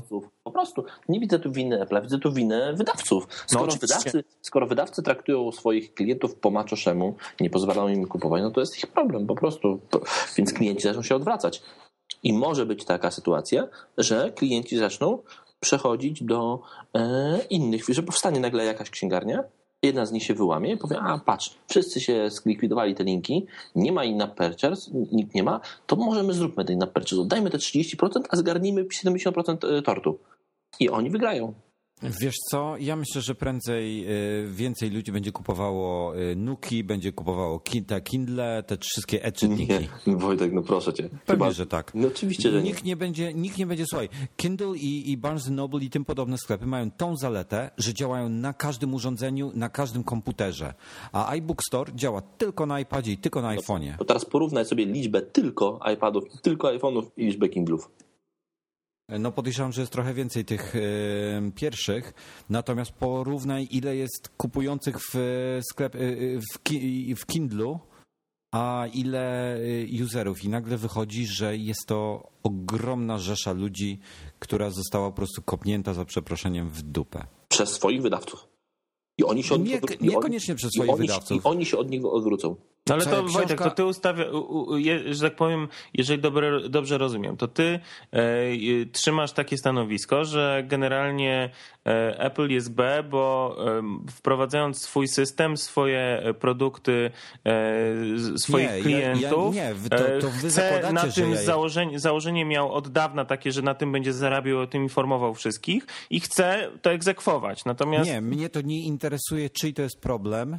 Mnie interesuje to, że jako klient mam utrudnione życie. No i jako, A i jako, Apple jest wszystko, urządzenia Apple'a powinny ułatwiać życie, a nie ułatwiają w tym momencie, utrudniają. ale, to, ale to nie przez Apple'a, tylko przez wydawców. No to co Apple ma zrobić? Nie, nie, Apple, przez, no, nie, nie tego, przez jednych i drugich, umówmy Nie, się. no no tak, proszę, oczywiście, że tak. Gdyby Apple y, y, zmiękczyło swoje stanowisko, A- Ale no, to byłoby, no Wojtek, ale, ale, byłoby dobrze, tego. ale jaki ma sens zmiękczania? Dlaczego ma. Patrz, wyobraź sobie Ale teraz. czemu wy bronicie Apple'a? Apple, Apple i wydawcy was robią w tym momencie w balonie. Nie, zobacz, zobacz. Oczywiście, że tak. Wojtek, posłuchaj przez chwilę. Zobacz, jak robi, co chce zrobić Indle. Wymyślił sobie, że wrzucą tam bezpłatną aplikację, z której Apple nie zarabia nic, wykorzystają siłę reklamy Apple'a, czyli wykorzystają to, że N milionów ludzi kupuje tam, a całą sprzedaż będą sobie prowadzili boczkiem, boczkiem spod lady. No Dokładnie. proszę, chcą wykorzystać po prostu potencjał Apple'a i nic nie dać na tym Apple'owi zarobić. Co więcej, zarobić Ale sami na tym. oni, ale jak oni startowali, to zasady były inne i im wolno było to robić. I tylko Apple zmienił zasady w trakcie gry, a tego się nie robi. No nie no, Wojtek, no proszę cię. To, No jak to nie? jest sklep, to jest sklep Apple'a. Oni mogą zrobić wszystko. Oni mogą, to jest ich własność. Mogą zrobić wszystko. Mogą zmienić zasady w czasie gry, ponieważ zasady w czasie gry się zmieniają. Gra się rozwija. Ja nie mówię o prawnych y, y, zasadach, tylko o moralnych. Dobrze, gra się rozwija. Oni kopnęli piłkę i nie wiedzieli, gdzie ta piłka poleci, bo kopnęli ją po raz pierwszy w życiu. Jako pierwsza z firm, które były na rynku, kopnęli piłkę. I nie wiedzieli dokładnie, w którym kierunku piłka poleci. Zareagowali na sytuację. Jasne, że nie chcą, żeby ktoś ich robił w balona. Po prostu. Nie chcą, żeby ktoś ich robił w balona. Nie zmienia to faktu, że, że użytkownicy właśnie mają z tego powodu problem i powiem szczerze, że, Na że pewno się, ale, i to nie spowoduje, jestem przekonany, że że, ludzie- że, się, że się nie odwrócą od Apple'a, tylko się odwrócą od Amazona albo od... nie, nie odwrócą się, ponieważ tam Amazon i tak dalej mają, mają w ofercie książki, których nie kupisz na, na, w iBook Store, bo iBook Store ofertę masz żenująco, żenującą w porównaniu z tamtymi. Dobrze, dlatego jestem przekonany, dlatego jeśli, jeśli mówię, jak to by się będzie rozwijało. Jedna z tych wielkich firm się wyłamie i zrobi in-app purchase. Po prostu. Nie ma możliwości, żeby te firmy tego nie zauważyły, że im spadną nagle dochody. Bo im spadną te dochody troszeczkę. I jedna z tych firm wymyśli sobie, że warto dać in-app purchase, prosty zakup bez wewnątrz aplikacji, stracić 30%, oddać Apple'owi, znaczy nie stracić, oddać Apple'owi 30%, ale zgarnąć 50% rynku. To ja ci powiem tak, to już idę z tobą o zakład, że nie, odsta- nie odstąpią tych swoich 300%, tylko w, na Apple prędzej będą o 30% wyższe ceny. Uwaga, e, jako sekundant e, mogę przeciąć zakład. A co się zakładacie? O, dżentelmeński, dżentelmeński zakład. Złamałem ołówek. Bardzo. O Boże. No Bardzo dobrze, mam teraz, mam, teraz, mam teraz taki krótki. Dobrze, że ołówek. Dokładnie tak. Wszystko No dobrze. inne mam e, długie. Włosy też. Też jeszcze. No dobrze, słuchajcie. To co, chyba Dobrze. dobrnęliśmy do końca dzisiejszego Bardzo. odcinka. Bardzo zgrabny taki odcinek, powiem. Taki. No jak, jak, jak nasz temat przed nagraniem. Nie wiem, ja w nim nie uczestniczyłem, bo wtedy Tak, sobie tak, zrobiłem był wycisz. bardzo, bardzo, temat przed nagraniem był bardzo zgrabny, bardzo zwarty, jędrny i, I gotowy. i tak dalej. Gotowe. Ale to gotowy pewnie też, no. No to Słuchajcie. ten publik, e, wy tego wysłuchacie pewnie w piątek, więc będziecie mieli e, bardzo miły początek weekendu. No, a my jeszcze na koniec chcieliśmy tylko pozdrowić yy, Jarka, Norberta, brata. No właśnie, mm, Trzymamy kciuki. jak, jak tam znikłem na chwilę, bo znikłem faktycznie na chwilę, to rozmawiałem właśnie z nim przez telefon, właśnie szedł na stół operacyjny, mm, więc mam nadzieję, że wszystko się uda. Także trzymajcie, trzymajcie kciuki. Yy, Jarek też pisze Daj Magazyn. No właśnie, to chciałem tylko tak fajny, powiedzieć, fajny żeby- jego, bardzo, bardzo fajny jego tekst e, Philipsa, głośnika konkurenta e, właśnie Zeppelina. Bardzo fajny głośnik, bardzo fajny artykuł. Zapraszam. Także Jarek, trzymaj się, będzie dobrze, e, a my dziękujemy za wspólne spędzenie e, czasu przy nadgryzionych odcinek 42. Dzisiaj Będzie, udało nam się... starali się, będziemy starali się nagrywać teraz czwartki żeby jednak w piątek ten, ten, e, najpóźniej w piątek ten numer już był u was. Dokładnie, tak. Narzuciliśmy sobie pewien reżim. Mam nadzieję, że będziemy stali w uczuciach e, i konsekwentni. Tak, podpowiem tylko, że, że właśnie wynika to z tych weekendów, że, że ostatnio było parę takich sytuacji, że miałem problemy właśnie z weekendowymi wyjazdami, bo, bo, bo trzeba było jeszcze nadgryzionych wypuścić. A w zeszłym tygodniu już też mogę sobie... Tłumaczą się winni. No, no właśnie, no właśnie. Poza tym Wojtek, no umówmy się, przecież pada. No to co miałeś innego robić? No to mogłeś przynajmniej wypuścić ten odcinek, Nie, prawda? właśnie ja, ja tutaj właśnie wyszło słońce. Dobrze, do widzenia, do widzenia. Dziękujemy bardzo, zapraszamy na kolejny odcinek za tydzień, a w tej chwili na tajemniczy kolejny od, rozdział jakiejś ciekawej książki, audiobooka e, prezentowanej przez audiotekę.pl. Dawaj fane chwilę. Do zobaczenia. Na razie. Cześć, cześć, cześć. Audioteka.pl Twój świat audiobooków.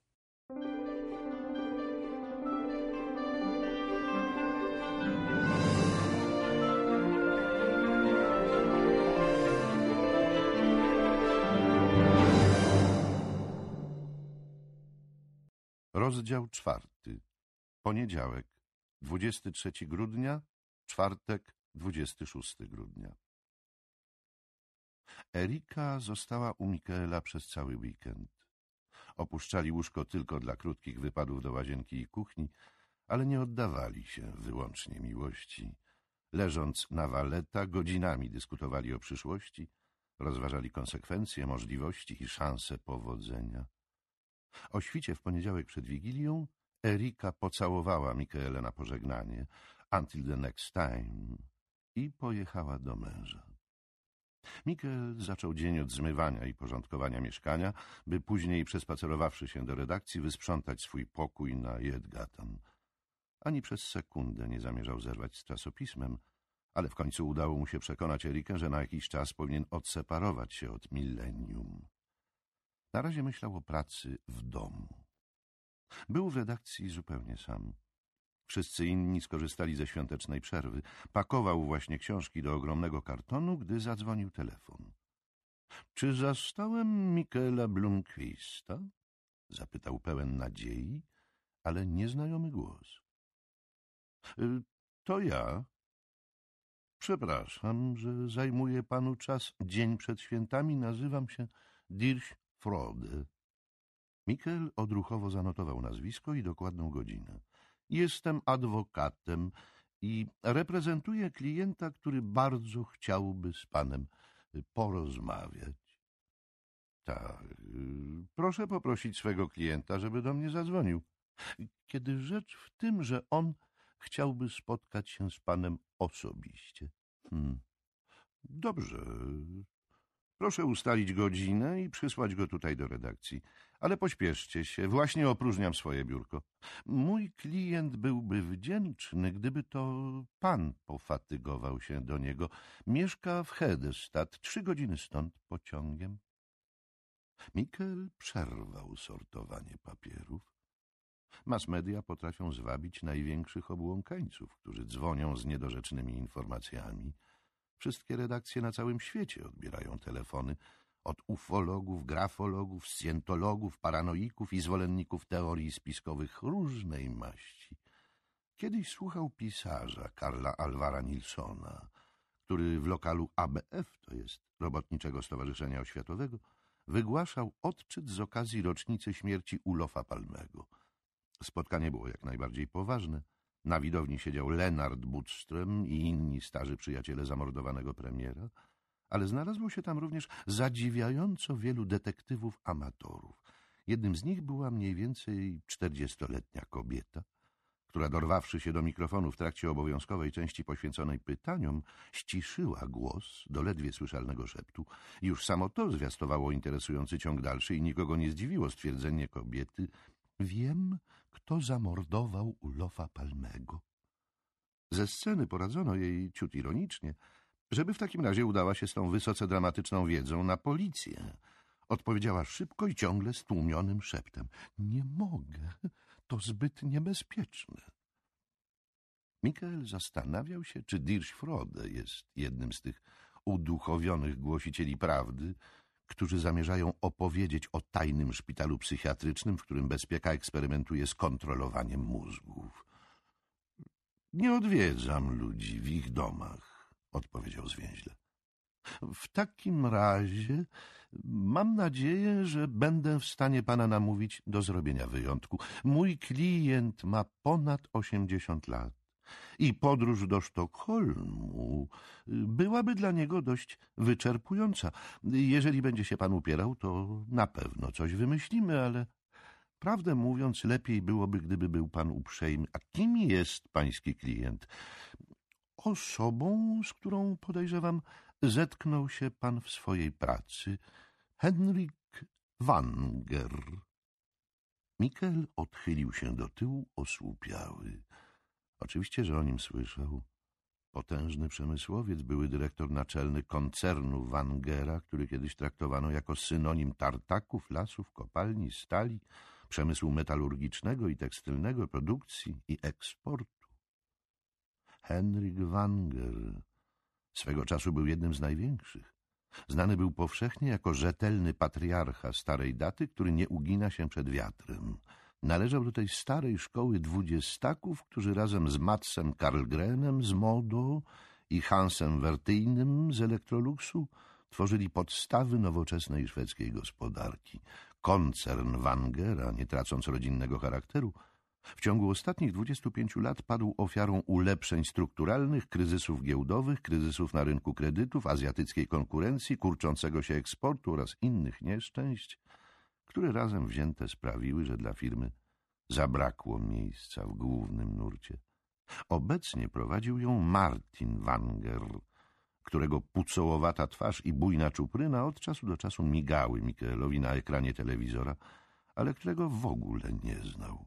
Henryk zniknął ze sceny jakieś dwadzieścia lat temu i Mikkel nie miał pewności, czy w ogóle jeszcze żyje. A dlaczego chce się ze mną spotkać? Zadał to najbardziej oczywiste z pytań. Przykro mi, jestem jego adwokatem od wielu lat, ale to on musi panu powiedzieć, o co chodzi.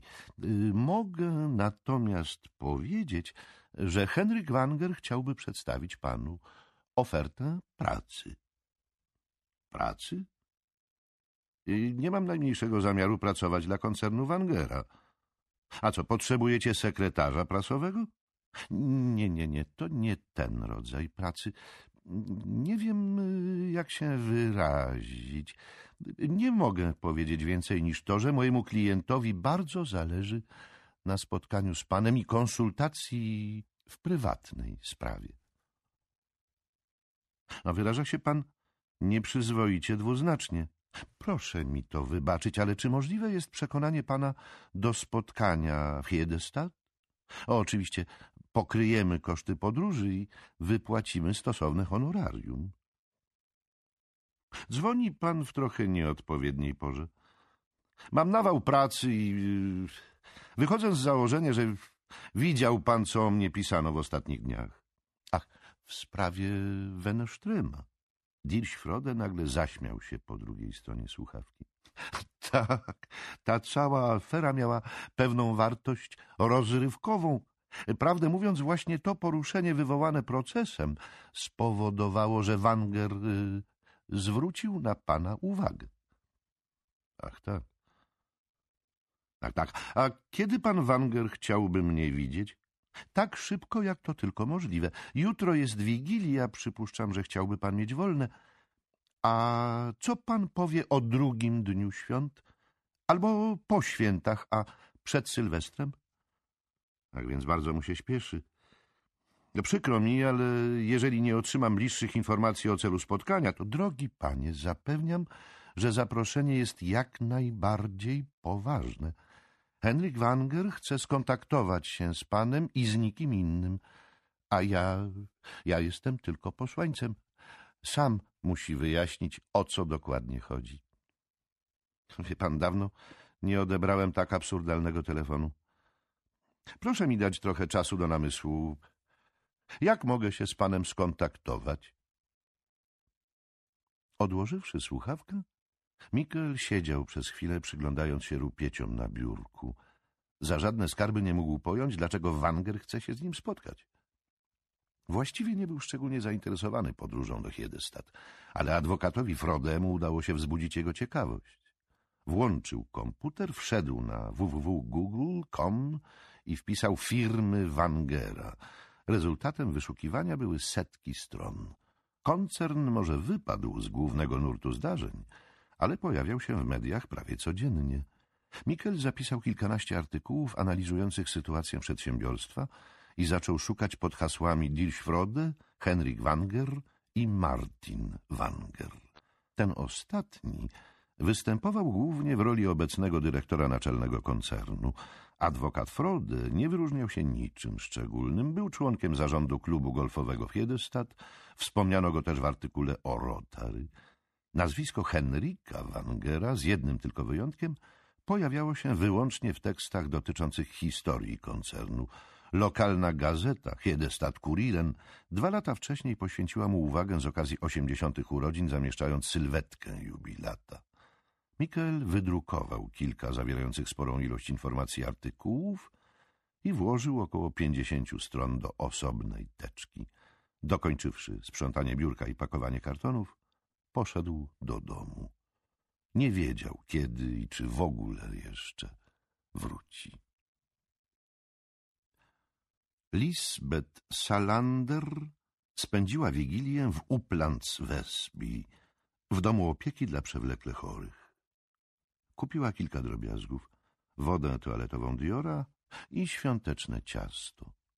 Pijąc kawę, obserwowała czterdziestosześcioletnią kobietę, niezdarnie usiłującą rozsupłać węzeł świątecznej paczuszki. W oczach Salander przebłyskiwała czułość, ale ani przez chwilę nie mogła wyjść ze zdumienia, że siedząca przed nią kobieta to jej matka. Mimo usilnych prób nie udało się jej nigdy znaleźć choćby najmniejszego podobieństwa, ani w wyglądzie, ani w charakterze. Matka w końcu zaprzestała starań i spoglądała bezsilnie na zapakowany prezent. To nie był jej najlepszy dzień. Lisbeth przysunęła bliżej nożyczki, które cały czas leżały na stole. Twarz kobiety rozjaśniła się, jakby nagle obudziła się z letargu. Myślisz, że jestem głupia? Nie, mamo, nie jesteś głupia, ale życie jest niesprawiedliwe. Spotkałaś się z siostrą? Dawno się nie widziałyśmy. Nigdy mnie nie odwiedza. No wiem, mamo, mnie też nie odwiedza. Pracujesz? Tak, mamo, tak, daję sobie radę. A gdzie mieszkasz? Nawet nie wiem, gdzie mieszkasz. W twoim mieszkaniu na Lundagatan. Mieszkam tam już od kilku lat, przejęłam prawo własności. To może cię odwiedzę latem? No jasne, latem. Latem jak najbardziej, mamo. Kobieta w końcu otworzyła paczuszkę i napawała się zapachem perfum. O, dziękuję ci, Camillo. Lisbeth. Mam na imię Lisbeth. Camilla to moja siostra. Matka wyglądała na zażenowaną. Córka zaproponowała, żeby przeszły do pokoju telewizyjnego. W wigilijne popołudnie o piętnastej, kiedy wszyscy Szwedzi siedzą przed telewizorami, oglądając tradycyjny program z kaczorem Donaldem, Mikkel Blomqvist odwiedził swoją córkę mieszkającą u byłej żony i jej drugiego męża. Przedyskutowawszy wcześniej sprawę z Moniką, sprawił Pernilli dość drogi prezent gwiazdkowy, najnowszy model iPoda. Odtwarzacz, niewiele większy od pudełka zapałek, mógł zmieścić całą, dość pokaźną płytotekę nastolatki. Ojciec i córka spędzili razem godzinę, siedząc w pokoju na poddaszu willi w Solentunnie. Mikel i Monika rozwiedli się, gdy Pernilla miała zaledwie pięć lat. Dwa lata później pojawił się w jej życiu nowy ojciec. Nieprawdą było, że Mikel unikał kontaktu. Pernilla odwiedzała go mniej więcej raz w miesiącu. Spędzała też tydzień wakacji w domku letniskowym w Sandham. Nieprawdą było też, że Monika próbowała udaremnić ich spotkania, albo że Pernilli nie odpowiadało towarzystwo ojca, wręcz przeciwnie. Z reguły dogadywali się bez problemów. Mikel zostawił córce wolną rękę i to ona decydowała, jak często ma ochotę na spotkania z ojcem, szczególnie po ponownym zamążpójściu matki.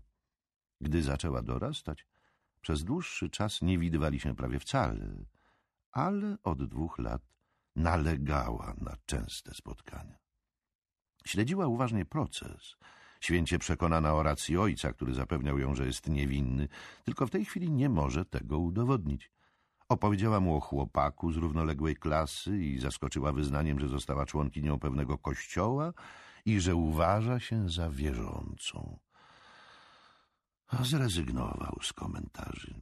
Nie przyjął też propozycji poczęstunku, ponieważ już wcześniej obiecał siostrze wspólną wigilię z jej rodziną w rezerwacie Japiszonów niedaleko Steket. Rano dostał też zaproszenie od Eriki i jej męża na bożonarodzeniową wizytę w Salzje-Baden. Odmówił, tym razem przeświadczony o istnieniu granicy, za którą kończy się pozytywne nastawienie Gregera Beckmana do trójkątów. Nie miał ochoty sprawdzać, którędy owa granica przebiega. Erika nalegała, podkreślając, że propozycja wyszła właśnie od jej męża i droczyła się z Mikelem, zarzucając mu brak odwagi, aby wejść w prawdziwy trójkąt. Odparł atak ze śmiechem. Wiedział bowiem, że prowokacja Eriki, świadomej jego zatwardziałej heteroseksualności, to tylko żart. Tym samym wytrwał w niezłomnym postanowieniu, że nie spędzi świąt z mężem swojej kochanki. Zapukał do drzwi siostry, Anniki Giannini, właśnie wtedy, gdy jej pochodzący z Włoch mąż, dwoje dzieci i cały pluton rodziny ze strony męża zaczęli rozkrawać świąteczną szynkę. Podczas kolacji odpowiadał na pytania o proces, otrzymując w zamian życzliwe, ale kompletnie bezsensowne rady. Tylko Annika nie komentowała wyroku, być może dlatego, że była jedynym adwokatem w towarzystwie. Studia prawnicze poszły jej jak po maśle. Przez kilka lat pracowała jako notariusz sądowy i zastępca prokuratora, by w końcu z kilkoma przyjaciółmi otworzyć kancelarię adwokacką na Kunsholmen. Specjalizowała się w prawie rodzinnym i zanim Mikkel zrozumiał, jak do tego doszło, jego młodsza siostra zaczęła pojawiać się w gazetach i telewizyjnych debatach panelowych jako znana feministka i adwokatka zajmująca się prawami kobiet. Często reprezentowała kobiety zagrożone albo prześladowane przez mężów lub byłych partnerów. Kiedy pomagał jej nakrywać do deseru, położyła mu rękę na ramieniu, pytając, jak się czuje. Jak jedno wielkie gówno, odpowiedział. Następnym razem zainwestuj w dobrego adwokata. Kiedy nie pomógłby mi żaden, nawet najlepszy adwokat. A co się właściwie stało? O, zajmiemy się tym innym razem. Dobrze, siostrzyczko? Zanim wyszli do gości z kawą i świątecznym ciastem, objęła go i pocałowała w policzek. Około siódmej przeprosił wszystkich i zapytał, czy może skorzystać z telefonu w kuchni. Zadzwonił do Disha Frodego. Wesołych świąt, przywitał go adwokat. W tle słychać było gwar głosów. I co, zdecydował się pan? Chwilowo nie mam w planach nic innego, a panu udało się obudzić moją ciekawość. Przyjadę w drugi dzień świąt, jeżeli to panom odpowiada. Świetnie, Świetnie. Gdyby pan wiedział, jak bardzo mnie to cieszy. O, przepraszam, mam tutaj dzieci, wnuków. Prawie nie słyszę, co pan mówi. Czy mógłbym zadzwonić jutro, by umówić się na konkretną godzinę? Mikel pożałował swojej decyzji, zanim wieczór dobiegł końca. Ale wycofanie się z niej wydawało mu się jeszcze bardziej skomplikowane i dlatego w drugi dzień Bożego Narodzenia Wsiadł do pociągu jadącego na północ. Miał prawo jazdy, ale nigdy nie zadbał o to, żeby sprawić sobie samochód. Frode miał rację. To nie była długa podróż. Za Upsalą zaczął się sznur przemysłowych miasteczek leżących wzdłuż wybrzeża Norlandii. Hiedestad było jednym z mniejszych, godzinę drogi na północ od Jewle. W nocy napadało bardzo dużo śniegu, ale rano niebo się wypogodziło i wysiadającego z pociągu Mikela uderzyło przejrzyste i lodowate powietrze. Od razu zrozumiał, że ma nieodpowiednie do pogody ubranie. Dziś Frode przywitał go z dobrodusznym uśmiechem na peronie i szybko poprowadził do nagrzanego Mercedesa. W miasteczku trwało intensywne odśnieżanie. Frode manewrował ostrożnie między usypanymi przez pługi zwałami śniegu. Białe masy tworzyły dramatyczny kontrast z szarym Sztokholmem, jak gdyby pochodziły z innego świata. A przecież znajdowali się zaledwie trzy godziny jazdy pociągiem od stołecznego placu Sergelstorg. Mikkel spoglądał ukradkiem na kierowcę. Kanciasta twarz, dość rzadkie, przystrzyżone na jeża siwe włosy i grube szkła na wydatnym nosie. — Pierwszy raz w Hiedestad? — zapytał Frode. Mikkel skinął głową. — To stare, przemysłowe miasto z portem. Niewielkie, tylko dwadzieścia cztery tysiące mieszkańców.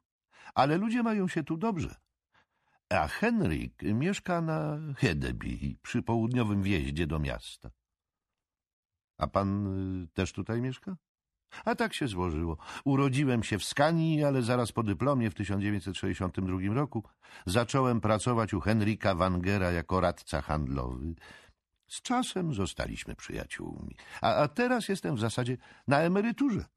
Henryk to mój jedyny klient, ale on też od dawna wiedzie żywot emeryta, więc nie korzysta zbyt często z moich usług. No, chyba że chodzi o wyłuskiwanie dziennikarzy o nadszarpniętej reputacji. No niechże pan nie lekceważy siebie samego.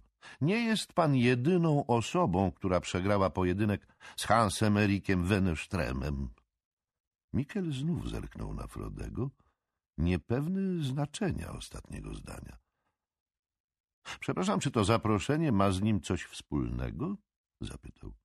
Nie, nie, ale Henryk Wanger nie należy raczej do kręgu przyjaciół Wennerströma i z zainteresowaniem śledził przebieg procesu. Chce się z panem spotkać w zupełnie innej sprawie, o której nie chce mi pan nic powiedzieć, której opowiedzenie nie leży po prostu w mojej gestii.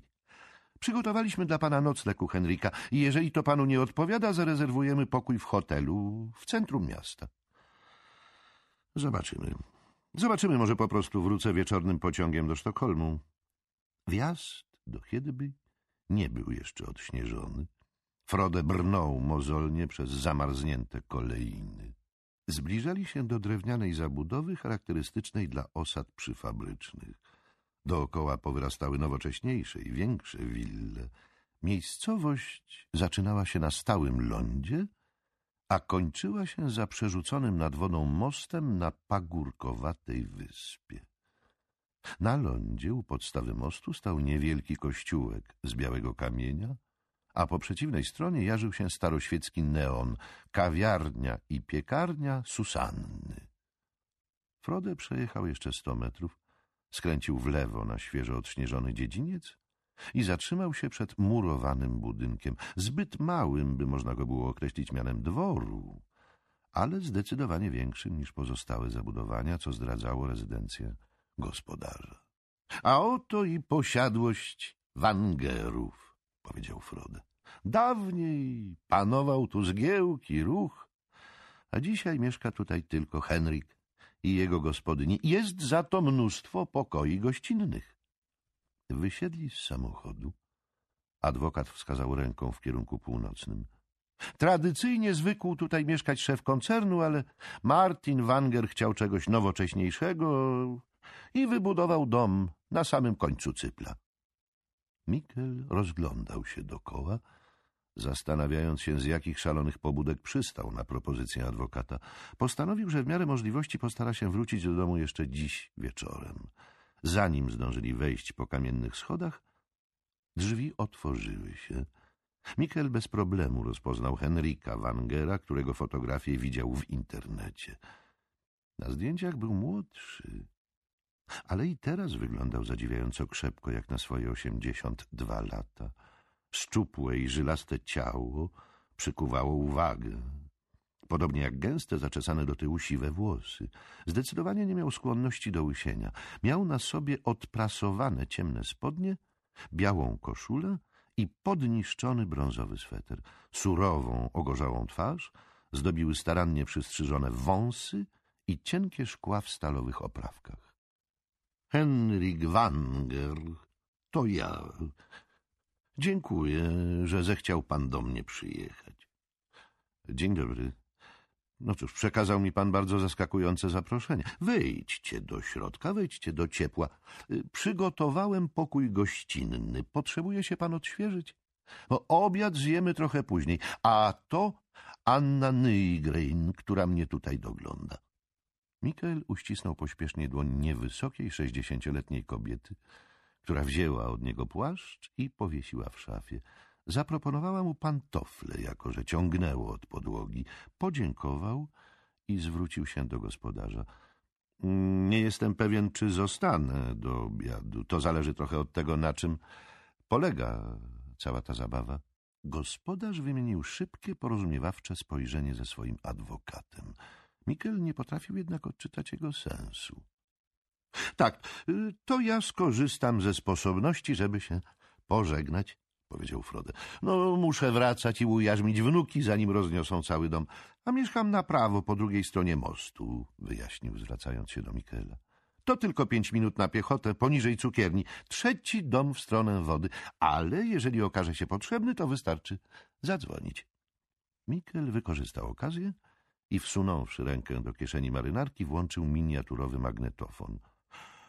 Objaw paranoi? Nie miał pojęcia, czego chce od niego Wanger, ale po awanturze z Wenesztremem postanowił dokumentować wszystkie osobliwe wydarzenia, w których brał udział. A to nagłe zaproszenie do Hiedestat niewątpliwie należało do rzeczonej kategorii. Były przemysłowiec poklepał Dirsia po ramieniu w pożegnalnym geście, zamknął za nim drzwi i dopiero wtedy zajął się gościem. W takim razie może zacznę prosto z mostu. To nie jest żadna zabawa. Chcę z panem pomówić, ale to, co mam do powiedzenia, wymaga dłuższej rozmowy. Proszę mnie wysłuchać, a później podjąć decyzję. Jest pan dziennikarzem i chcę zwrócić się do pana ze zleceniem, a Anna przygotowała nam małą przekąskę w pracowni na piętrze. Mikel podążył wskazaną drogą. Weszli do podłużnego, obszernego pokoju w szczytowej części domu. Jedną ze ścian zajmował dziesięciometrowy regał, od podłogi do sufitu wypełniony niesamowitą mieszanką beletrystyki, biografii, skoroszytów A4 oraz książek na temat handlu i przemysłu. Nie zostały ułożone według jakiegoś oczywistego klucza, ale wyglądały na używane i Mikkel wywnioskował, że Henryk Wanger jest człowiekiem czytającym. Po przeciwnej stronie stało ogromne dębowe biurko. Siedziało się przy nim z twarzą zwróconą do pokoju. Na ścianie w pedantycznie równych rzędach wisiały ramki z zasuszonymi roślinami. Okno szczytowe i stojące obok sofa i fotele stanowiły świetny punkt obserwacyjny z widokiem na most i kościół. Tam właśnie Anna ustawiła filiżanki, talerzyki, termos oraz drożdżówki i ciasteczka domowej roboty. Mikkel zignorował zapraszający gest Wangera. Udając, że go nie zauważył, obszedł pokój, z zainteresowaniem oglądając najpierw półki regału, a później ścianę z osobliwymi obrazkami. Biurko było starannie wysprzątane. Leżało na nim tylko kilka zebranych w stosie kartek. Na krawędzi stała oprawiona fotografia młodej, ciemnowłosej dziewczyny. Piękność o psotnym spojrzeniu. Młoda dama, która zaczyna być groźna, pomyślał Mikkel. Zdjęcie było z pewnością portretem konfirmacyjnym. Barwy zdążyły wyblaknąć, widocznie stało tu od wielu lat. Nagle Mikkel uświadomił sobie, że gospodarz go obserwuje. Pamięta ją pan? Czy pamiętam? Mikkel uniósł brwi. A tak, spotkał ją pan kiedyś. O, zresztą był pan też wcześniej w tym pokoju. Mikkel rozejrzał się jeszcze raz i pokręcił głową. No nie, no, oczywiście, jakże, jakże mógłby pan pamiętać. Znałem pańskiego ojca. Wielokrotnie zwracałem się do niego o pomoc. W latach pięćdziesiątych i sześćdziesiątych pracował tutaj jako technik i monter urządzeń przemysłowych. O, zdolny człowiek. Próbowałem go przekonać, żeby poszedł na studia i został inżynierem. A pan spędził tutaj całe lato w 1963 roku. Wymienialiśmy wtedy park maszynowy w zakładach papierniczych w Hiedestad. Trudno było znaleźć lokum dla całej rodziny, więc rozwiązaliśmy problem w ten sposób, że zamieszkaliście w tym drewnianym domku po drugiej stronie drogi. O, widać go stąd przez okno. Henryk Wanger podszedł do biurka i podniósł fotografię. A to jest Harriet Wanger, wnuczka mojego brata Ricarda. W tamte wakacje pilnowała pana i to nie jeden raz. O, miał pan ponad dwa lata, albo może już nawet skończył trzy, nie pamiętam. A ona? Ona miała trzynaście. Proszę mi wybaczyć, ale nie mam ani jednego wspomnienia z tych wakacji. Mikkel nie był do końca przekonany, że mężczyzna mówi prawdę. A, rozumiem, rozumiem, ale ja pana naprawdę pamiętam. Biegał pan tutaj po całym gospodarstwie, a Harriet za panem. Słyszałem pański krzyk za każdym razem, gdy się pan wywracał. Pamiętam, że przy jakiejś okazji podarowałem panu zabawkę. Taki żółty metalowy traktor, którym sam się bawiłem jako dziecko. Szalenie się panu podobał.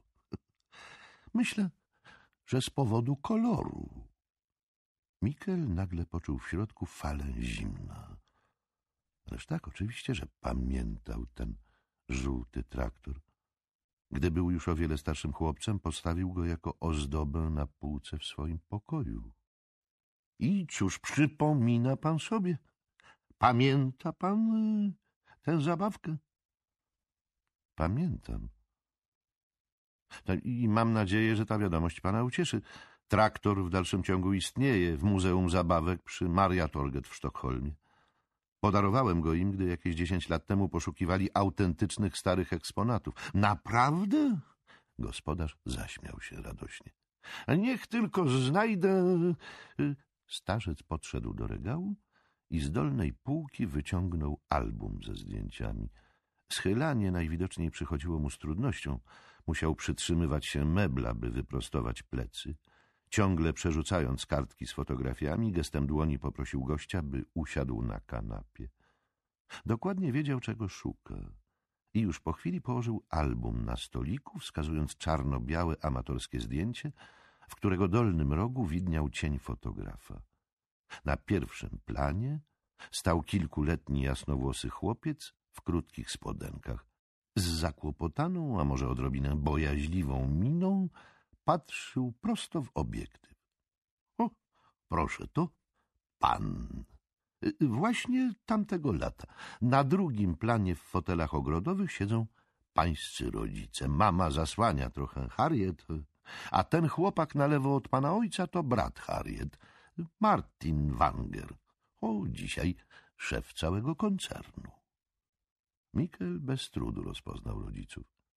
Mama miała pokaźny brzuszek, a więc jego siostra była już w drodze. Przyglądał się zdjęciu z mieszanymi uczuciami, podczas gdy gospodarz nalewał do filiżanek kawę. O, wiem, że ojciec nie żyje. A matka? zapytał, przysuwając półmisek z drożdżówkami. Też nie. Niestety zmarła trzy lata temu. O, bardzo dobrze ją pamiętam. Była sympatyczną kobietą. Ale przecież nie poprosił mnie pan o spotkanie, po to tylko, żeby wspominać moich rodziców. A racja, racja. Tak, tak. Przygotowywałem się do tej opowieści kilka dni, ale teraz, kiedy pan w końcu przede mną siedzi, doprawdy nie wiem od czego zacząć. Wychodzę z założenia, że co nieco pan o mnie przeczytał. Powinien więc pan wiedzieć, że swojego czasu miałem spory wpływ na szwedzki przemysł i rynek pracy, a dzisiaj jestem starcem, który prawdopodobnie niedługo umrze i może właśnie śmierć jest odpowiednim punktem wyjścia do naszej rozmowy. Mikel wypił łyk czarnej kawy, gotowanej kawy, zastanawiając się, dokąd zmierza opowieść Wangera. Pobolewa mnie biodro i trudno mi zażywać długich spacerów. Pewnego dnia sam pan odkryje, jak wątleją siły starych mężczyzn, ale nie jestem ani umierający, ani dotknięty demencją. Nie opętała mnie więc myśl o śmierci. Mam jednak wystarczająco wiele lat, żeby zaakceptować fakt, że moje życie dobiega kresu. Nadchodzi taki moment, kiedy chce się wszystko podsumować, dokończyć to, co niedokończone. Rozumie pan, co mam na myśli. Mikel skinął głową. A starzec mówił mocnym i pewnym głosem. Nic nie wskazywało na obniżenie sprawności umysłowej czy niezdolność do racjonalnego myślenia. Najbardziej ciekawi mnie to, po co tutaj przyjechałem, przypomniał Mikel. Poprosiłem pana o przyjazd, ponieważ potrzebuję pomocy przy podsumowaniu, o którym wspomniałem. Mam kilka niewyjaśnionych spraw. Ale dlaczego właśnie mnie? To znaczy, na jakiej podstawie sądzi pan, że właśnie ja jestem w stanie panu pomóc? A dlatego, że właśnie gdy zacząłem się zastanawiać nad zatrudnieniem kogoś, wypłynęło pańskie nazwisko w związku z aferą Wenesztrema. Wiedziałem, kim pan jest i może dlatego również, że jako małe chłopie siedział pan tu u mnie na kolanach. Zamachał ręką w odmownym geście. Nie, nie, nie, niechże pan mnie źle nie zrozumie, kontynuował. Nie liczę na to, że pomoże mi pan z sentymentalnych względów. Wyjaśniam tylko, dlaczego skontaktowałem się właśnie z panem. Mikel zaśmiał się życzliwie. No ale to są kolana, których ja wcale, ale to wcale nie pamiętam. Ale skąd pan wiedział, kim jestem? Przecież te wakacje były na początku lat sześćdziesiątych. No przepraszam, przepraszam, nie zrozumiał mnie pan. Y, gdy pański tato dostał pracę jako szef warsztatu Salinders Mekaniska, przeprowadziliście się do Sztokholmu. Firma była jedną z wielu wchodzących w skład koncernu Wangera i to ja właśnie załatwiłem mu tę posadę. Nie miał wykształcenia, ale wiedziałem, co potrafi. W ciągu kolejnych lat spotykałem się z nim wielokrotnie, gdy przyjeżdżałem do przedsiębiorstwa w interesach.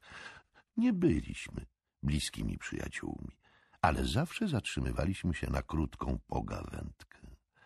Ostatni raz spotkałem go na rok przed jego śmiercią i opowiadał wtedy, że dostał się pan na studia dziennikarskie. O, był niesamowicie dumny.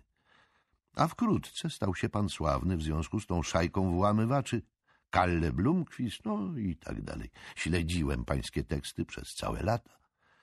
I faktem jest, że dość często czytam Millennium. Okej, okay, rozumiem. Rozumiem, ale tak dokładnie. Czego pan ode mnie oczekuje? Henrik Wanger przez krótką chwilę spoglądał na swoje dłonie, później przełknął kilka łyków kawy, jak gdyby potrzebował przerwy, zanim przejdzie do właściwego tematu. Panie Mikelu, zanim zacznę, chciałbym zawrzeć z panem porozumienie.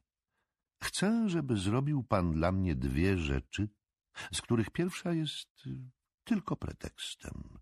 Prawdziwe zlecenie to ta druga rzecz. Co to za porozumienie? Przedstawię panu historię w dwóch częściach. Pierwsza traktuje o rodzinie Wangerów. To pretekst, a zarazem długa i mroczna opowieść. Spróbuję trzymać się jej nieupiększonej wersji. Druga część dotyczy właściwego zadania. Boję się, że potraktuje pan to wszystko jak Jak, jak szaleństwo. A czego chcę? Chcę, żeby pan wysłuchał historii do końca. Łącznie z tym, czego od pana oczekuję i co mam panu do zaoferowania, zanim zdecyduje pan, czy przyjąć zlecenie, czy nie.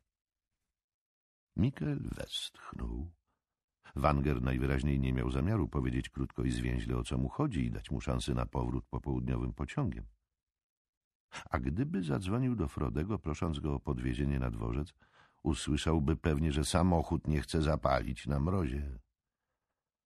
Ten stary człowiek musiał poświęcić sporo czasu na wymyślenie scenariusza, według którego usidlił swojego gościa. Mikel nie mógł pozbyć się wrażenia, że od momentu jego wejścia do pracowni wszystko było wyreżyserowanym spektaklem. Zaskoczenie, gdy dowiedział się, że jako dziecko spotkał Wangera, zdjęcie rodziców w albumie, podkreślanie ciepłych stosunków między Henrykiem i ojcem, schlebiające słowa o tym, że wiedział, kim jest Mikel i że przez lata śledził jego karierę. Wszystko zawierało jakąś dozę prawdy, ale było też zwykłą psychologią. Innymi słowy, Henryk Wanger zachowywał się jak dobry manipulator z wieloletnim doświadczeniem w kontaktach ze znacznie trudniejszymi przeciwnikami, spotykanymi w zamkniętych pokojach na posiedzeniach zarządu. Nieprzypadkowo został jednym z ważniejszych przemysłowców w Szwecji. Mikel doszedł do wniosku, że Wanger będzie nalegał na coś, na co Mikel kompletnie nie ma ochoty. Pozostawało więc jedynie wykombinować, czym jest owo coś, a następnie odmówić i być może zdążyć na popołudniowy pociąg. Sorry, but no deal, odpowiedział spoglądając na zegarek. Jestem tutaj od dwudziestu minut. Daję więc panu trzydzieści minut na opowiedzenie tego, co chce mi pan opowiedzieć, a później wybaczy pan. Dzwonię po taksówkę i jadę do domu. Na moment Wanger wypadł z roli dobrodusznego patriarchy i nagle Michel zobaczył bezwzględnego przemysłowca w sile wieku, który poniósł porażkę, albo który musi sobie poradzić z krnąbrnym młodzikiem w zarządzie. Bardzo szybko jednak jego usta ponownie wykrzywiły się w surowym uśmiechu. Rozumiem. To wszystko jest niezmiernie proste, nie musi pan owijać w bawełnę. Proszę tylko powiedzieć, czego pan oczekuje, ażebym mógł osądzić, czy chcę to zrobić, czy nie. Jeżeli nie potrafię przekonać pana w ciągu trzydziestu minut, no to nie uda mi się tego dokonać nawet w trzydzieści dni. O to panu chodzi. Coś w tym stylu. Ale moja historia jest długa. Długa i skomplikowana. To trzeba ją skrócić i uprościć. Właśnie tym zajmujemy się w dziennikarstwie. Dwadzieścia dziewięć minut. Wanger podniósł rękę. Wystarczy. Wystarczy. Zrozumiałem puentę. Ale przesada nie jest dobra z psychologicznego punktu widzenia. Potrzebuję wewnętrznie spójnej osoby, która potrafi dociekać i myśleć krytycznie. I uważam, że jest pan taką osobą. Nie mówię tego, żeby panu schlebić. Na zdrowy rozum każdy dobry dziennikarz powinien posiadać te cechy. Czytałem pańską książkę Jeźdźcy Templariuszy i to z ogromnym zainteresowaniem. Oto prawda. Prawda, wybrałem pana dlatego, że znałem pańskiego ojca i dlatego, że wiedziałem, kim pan jest. O ile dobrze zrozumiałem, wyrzucono pana z milenium, albo przynajmniej opuścił je pan na własne żądanie, a to oznacza, że chwilowo nie jest pan nigdzie zatrudniony i nie trzeba być szczególnie uzdolnionym, by domyślić się, że prawdopodobnie jest pan w finansowych tarapatach. A pan może wykorzystać moją nieciekawą sytuację. Czy o to chodzi? Możliwe. Możliwe. Posłuchaj, Mikel. Właśnie. Czy możemy przejść na ty? Ja nie zamierzam ani kłamać, ani wyszukiwać fałszywych pretekstów. Jestem na to za stary. Jeżeli nie spodoba ci się moja opowieść, to odeślij mnie do diabła. Wtedy postaram się znaleźć kogoś innego. Okej, okay, okej, okay, ale na czym ma polegać ta praca? A jak dużo wiesz o rodzinie Wangerów? Mikkel rozłożył ręce. No, mniej więcej tyle, ile zdążyłem przeczytać w sieci po poniedziałkowym telefonie Frodego. Za twoich czasów koncern Wangera był jednym z najważniejszych koncernów przemysłowych, dzisiaj znacznie zredukowany. Martin Wanger jest jego dyrektorem naczelnym. No i wiem jeszcze trochę innych rzeczy, ale do czego zmierzasz? Martin jest y, dobrym człowiekiem, tak, ale to w gruncie rzeczy zawodnik wagi lekkiej, zdecydowanie niewystarczający jako szef przedsiębiorstwa dotkniętego kryzysem. Chce modernizować, specjalizować, co samo w sobie jest świetnym pomysłem, ale trudno mu przeforsować swoje koncepcje, a jeszcze trudniej poradzić sobie z ich finansowaniem. Dwadzieścia pięć lat temu Wanger był poważnym konkurentem dla Wallenberga. Mieliśmy w Szwecji około czterdziestu tysięcy pracowników. Dawaliśmy ludziom zatrudnienie, dostarczaliśmy krajowi spore dochody.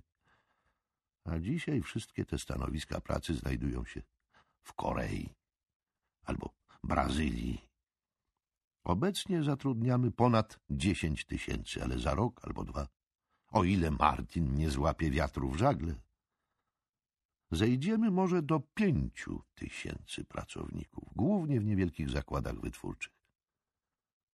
No innymi słowy, przedsiębiorstwa Wangera lądują na śmietniku historii.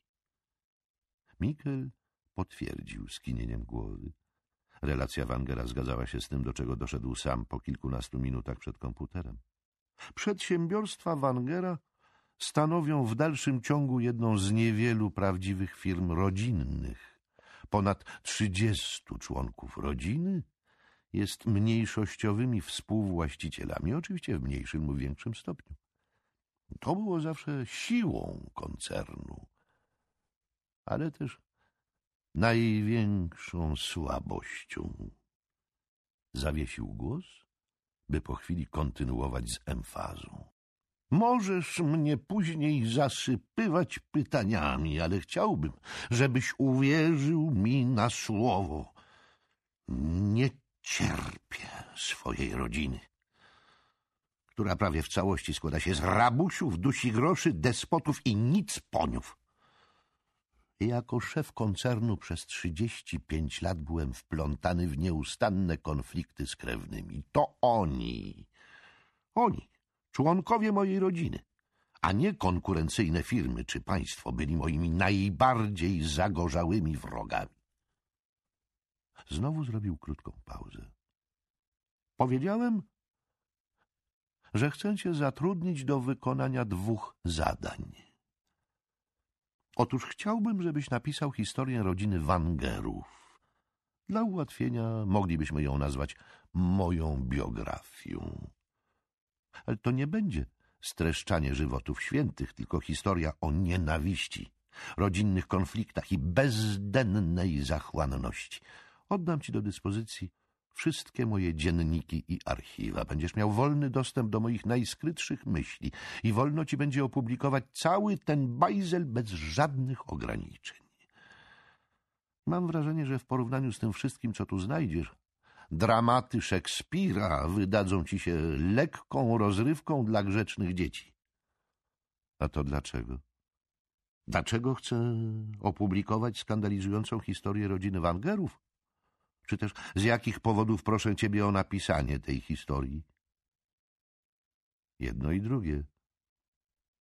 O, szczerze mówiąc, nie obchodzi mnie to, czy książka zostanie wydana, czy też nie, ale uważam, że powinna zostać napisana, chociażby tylko w jednym egzemplarzu, który zostawisz od razu w Bibliotece Królewskiej. Chcę, żeby przyszłe pokolenia miały dostęp do tej historii. Motyw mojego postępowania jest najprostszy z możliwych. to zemsta. A na kim chcesz się zemścić? Nie, nie musisz mi dawać wiary. Nie musisz, ale próbowałem być uczciwym człowiekiem nawet jako kapitalista i przemysłowiec. Jestem dumny z tego, że moje imię kojarzy się z człowiekiem, który dotrzymuje słowa i nie łamie obietnic. Nigdy nie zajmowały mnie polityczne intrygi. Nigdy. Nie miałem kłopotów, negocjując ze związkami zawodowymi. Nawet Tage Erlander, premier, w swoim czasie żywił dla mnie szacunek. Dla mnie to była kwestia etyki. Czułem się odpowiedzialny za zapewnienie chleba tysiącom ludzi i otaczałem pracowników troską. Zabawne. Martin ma to samo podejście, chociaż jest zupełnie innym typem człowieka. On też próbował iść słuszną drogą. Może nie zawsze nam się udawało, ale tak ogólnie rzecz biorąc, niewiele jest rzeczy, których się wstydzę. Niestety Martin i ja stanowimy w naszej rodzinie wyjątek, kontynuował. Przedsiębiorstwa Wangera są dzisiaj na skraju ruiny z wielu powodów, ale jednym z najważniejszych jest krótkowzroczna pazerność, którą wykazuje wielu moich krewnych. Jeśli podejmiesz się zadania, Wytłumaczę ci dokładnie, co wyrabiali, zatapiając cały koncern. Mikel zastanawiał się przez chwilę. W porządku. Okej, okay, ja też będę szczery. Napisanie takiej książki zajęłoby mi miesiące. Nie mam na to ani siły, ani ochoty. O, myślę, że mogę cię przekonać. Wątpię. Ale wspomniałeś o dwóch zadaniach, których miałbym się podjąć. Pierwsze to tylko pretekst. Jaki jest twój prawdziwy cel? Henryk Wanger, podniósłszy się z mozołem, wziął z biurka fotografię Harriet i postawił ją przed Mikelem. Chciałbym zatrudnić właśnie ciebie bo zależy mi na biografii, w której przedstawisz postacie z dziennikarskiego punktu widzenia, a przy okazji będziesz miał pretekst do grzebania w historii rodziny, bo... bo tak naprawdę chcę, żebyś rozwiązał pewną zagadkę. To jest twoje zadanie. Zagadkę? Harriet to wnuczka mojego brata, bo było nas pięciu. Richard, najstarszy, urodził się w 1907 roku. Ja jestem najmłodszy, rocznik dwudziesty. Nie rozumiem, jak Bóg mógł dopuścić do tego, żeby ta gromadka dzieci... Przez moment sprawiał wrażenie człowieka, który straciwszy wątek, zagłębił się w myślach ale już po chwili zwrócił się do rozmówcy z nową stanowczością w głosie. Pozwól, że opowiem o moim bracie, Ricardzie. Potraktuj to też jako próbkę historii rodzinnej, na której spisanie nalegam. Dolał sobie kawy i zaproponował jeszcze jedną filiżankę Mikelowi. Otóż w 1924 roku Siedemnastoletni Ricard, fanatyczny nacjonalista nienawidzący Żydów, przyłączył się do szwedzkiego Narodowo-Socjalistycznego Związku Wolnościowego, jednego z pierwszych szwedzkich stowarzyszeń nazistowskich.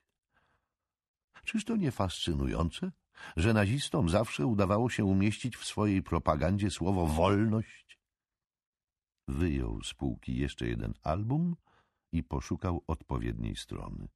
O, tutaj jest Ricard w towarzystwie weterynarza Birgera Furgorda, który wkrótce stanął na czele tak zwanego ruchu Furgorda, dużej grupy nazistowskiej z początku lat trzydziestych.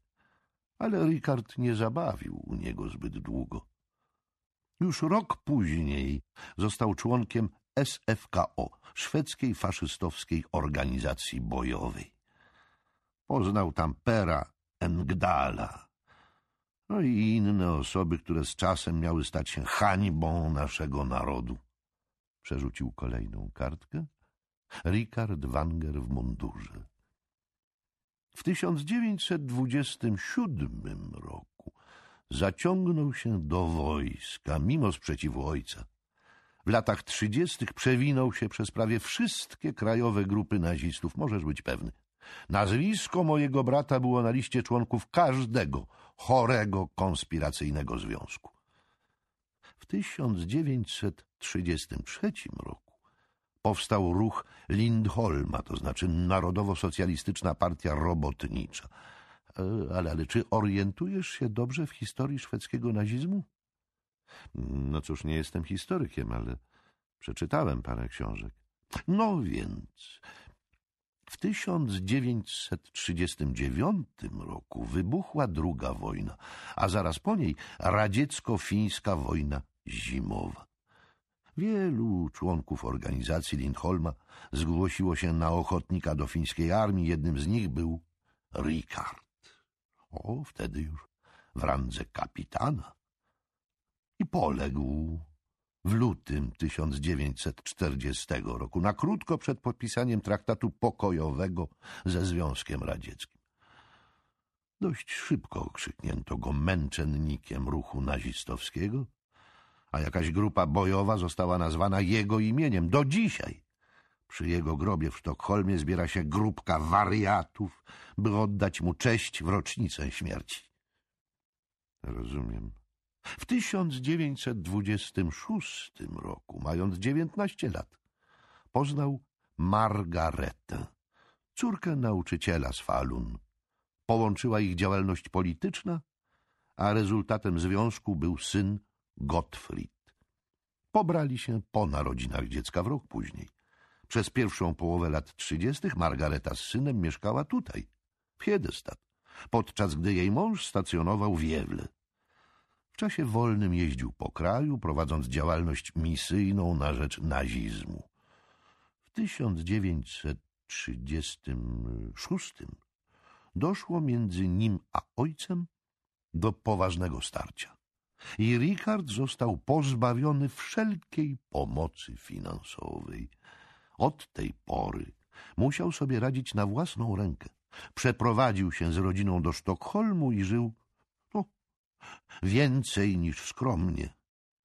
Jak to nie miał żadnych własnych dochodów? O, jedynie zamrożony w koncernie spadek. Ale nie mógł go odsprzedać nikomu spoza rodziny. Nikomu. Musisz wiedzieć, że Richard był brutalnym tyranem, bez pozytywnych cech, które zrównoważyłyby wady. Bił żonę, znęcał się nad synem, tłamsił go, pomiatał nim, jak psem. Zginął, gdy Gottfried miał trzynaście lat. I myślę, że to był najszczęśliwszy dzień w życiu tego chłopca. Mój ojciec zlitował się nad wdową i wnukiem, sprowadził ich z powrotem do Hiedestad, znalazł mieszkanie i zapewnił godziwą egzystencję. O ile Richard reprezentował ciemną i fanatyczną część rodziny, o tyle Gottfried próżniaczą. O, zająłem się nim, gdy skończył osiemnaście lat. Mimo wszystko to syn mojego nieżyjącego brata, ale pamiętać musisz, że nie dzieliła nas szczególnie duża różnica wieku. Byłem tylko siedem lat starszy. Choć już wtedy zasiadałem w zarządzie koncernu i jasne było, że to ja przejmę kierownictwo po ojcu. A Gottfrieda traktowano jako nietutejszego. Henryk zamyślił się przez chwilę. Mój ojciec nie wiedział za bardzo, jak się zachowywać w stosunku do wnuka. I to ja nalegałem, żeby coś z nim zrobić. Dałem mu pracę w koncernie, już po wojnie. Próbował robić przyzwoitą robotę, ale miał kłopoty z koncentracją. Był partaczem, bałamutem i do tego hulaką. lgnęły do niego kobiety, a od czasu do czasu oddawał się najzwyklejszemu pijaństwu. Po prostu trudno opisać mi uczucia, które do niego żywie.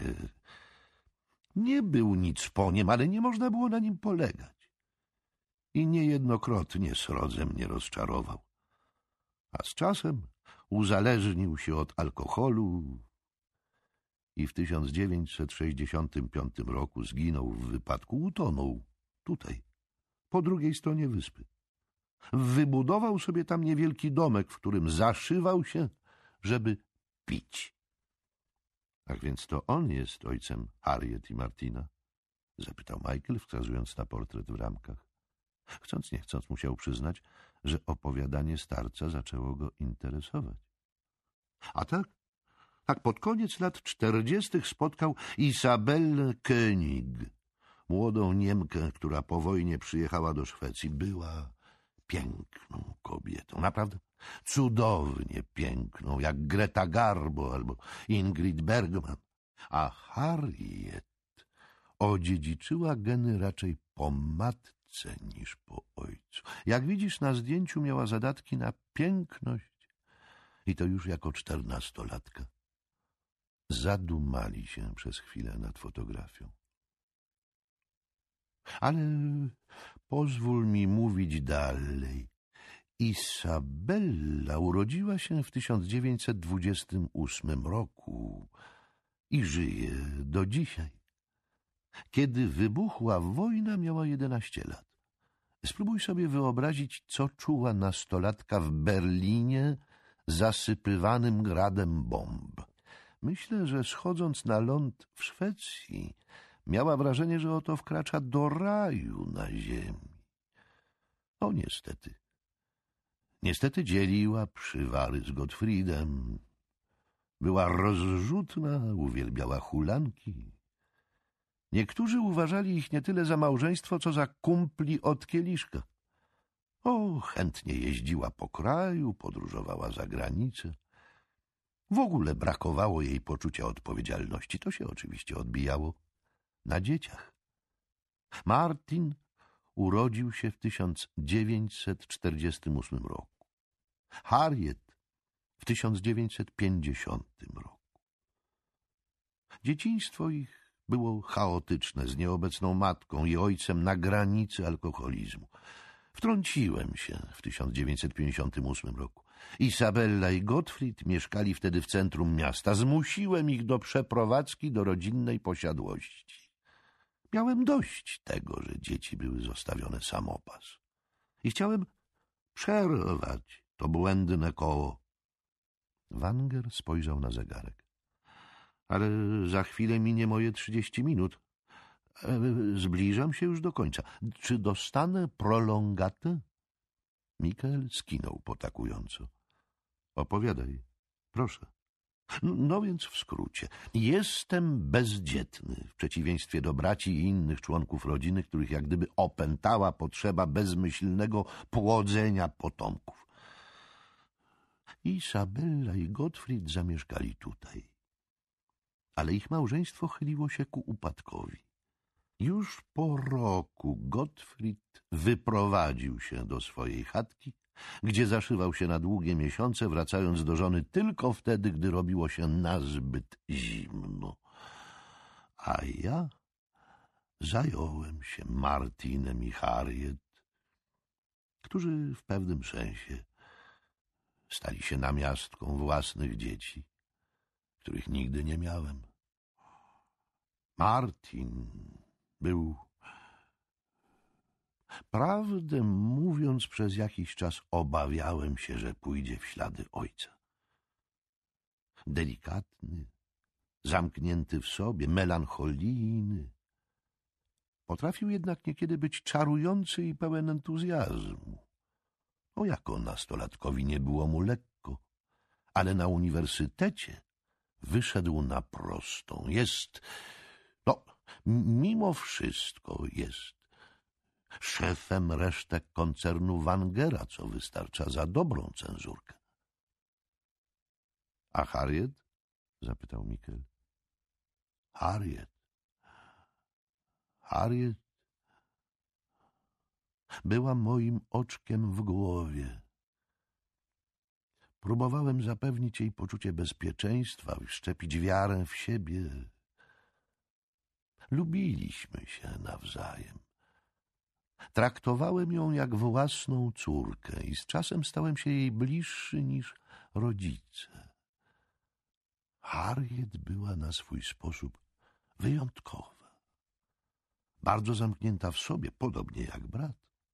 I osobliwie zainteresowana religią, co wyróżniało ją z całej rodziny. Wybitnie uzdolniona, niesamowicie inteligentna. I miała mocny kręgosłup moralny. Gdy obserwowałem tę czternasto-piętnastoletnią dziewczynę, przekonany byłem, że w przeciwieństwie do brata i innych niczym się nie wyróżniających krewnych, została powołana do prowadzenia koncernu, albo przynajmniej do odegrania w nim głównej roli. I co się stało? I, I w końcu właśnie doszliśmy do powodu, dla którego cię tutaj wezwałem. Otóż chcę, żebyś znalazł w mojej rodzinie osobę, która zamordowała Harriet Wanger i która od prawie czterdziestu lat próbuje doprowadzić mnie do szaleństwa.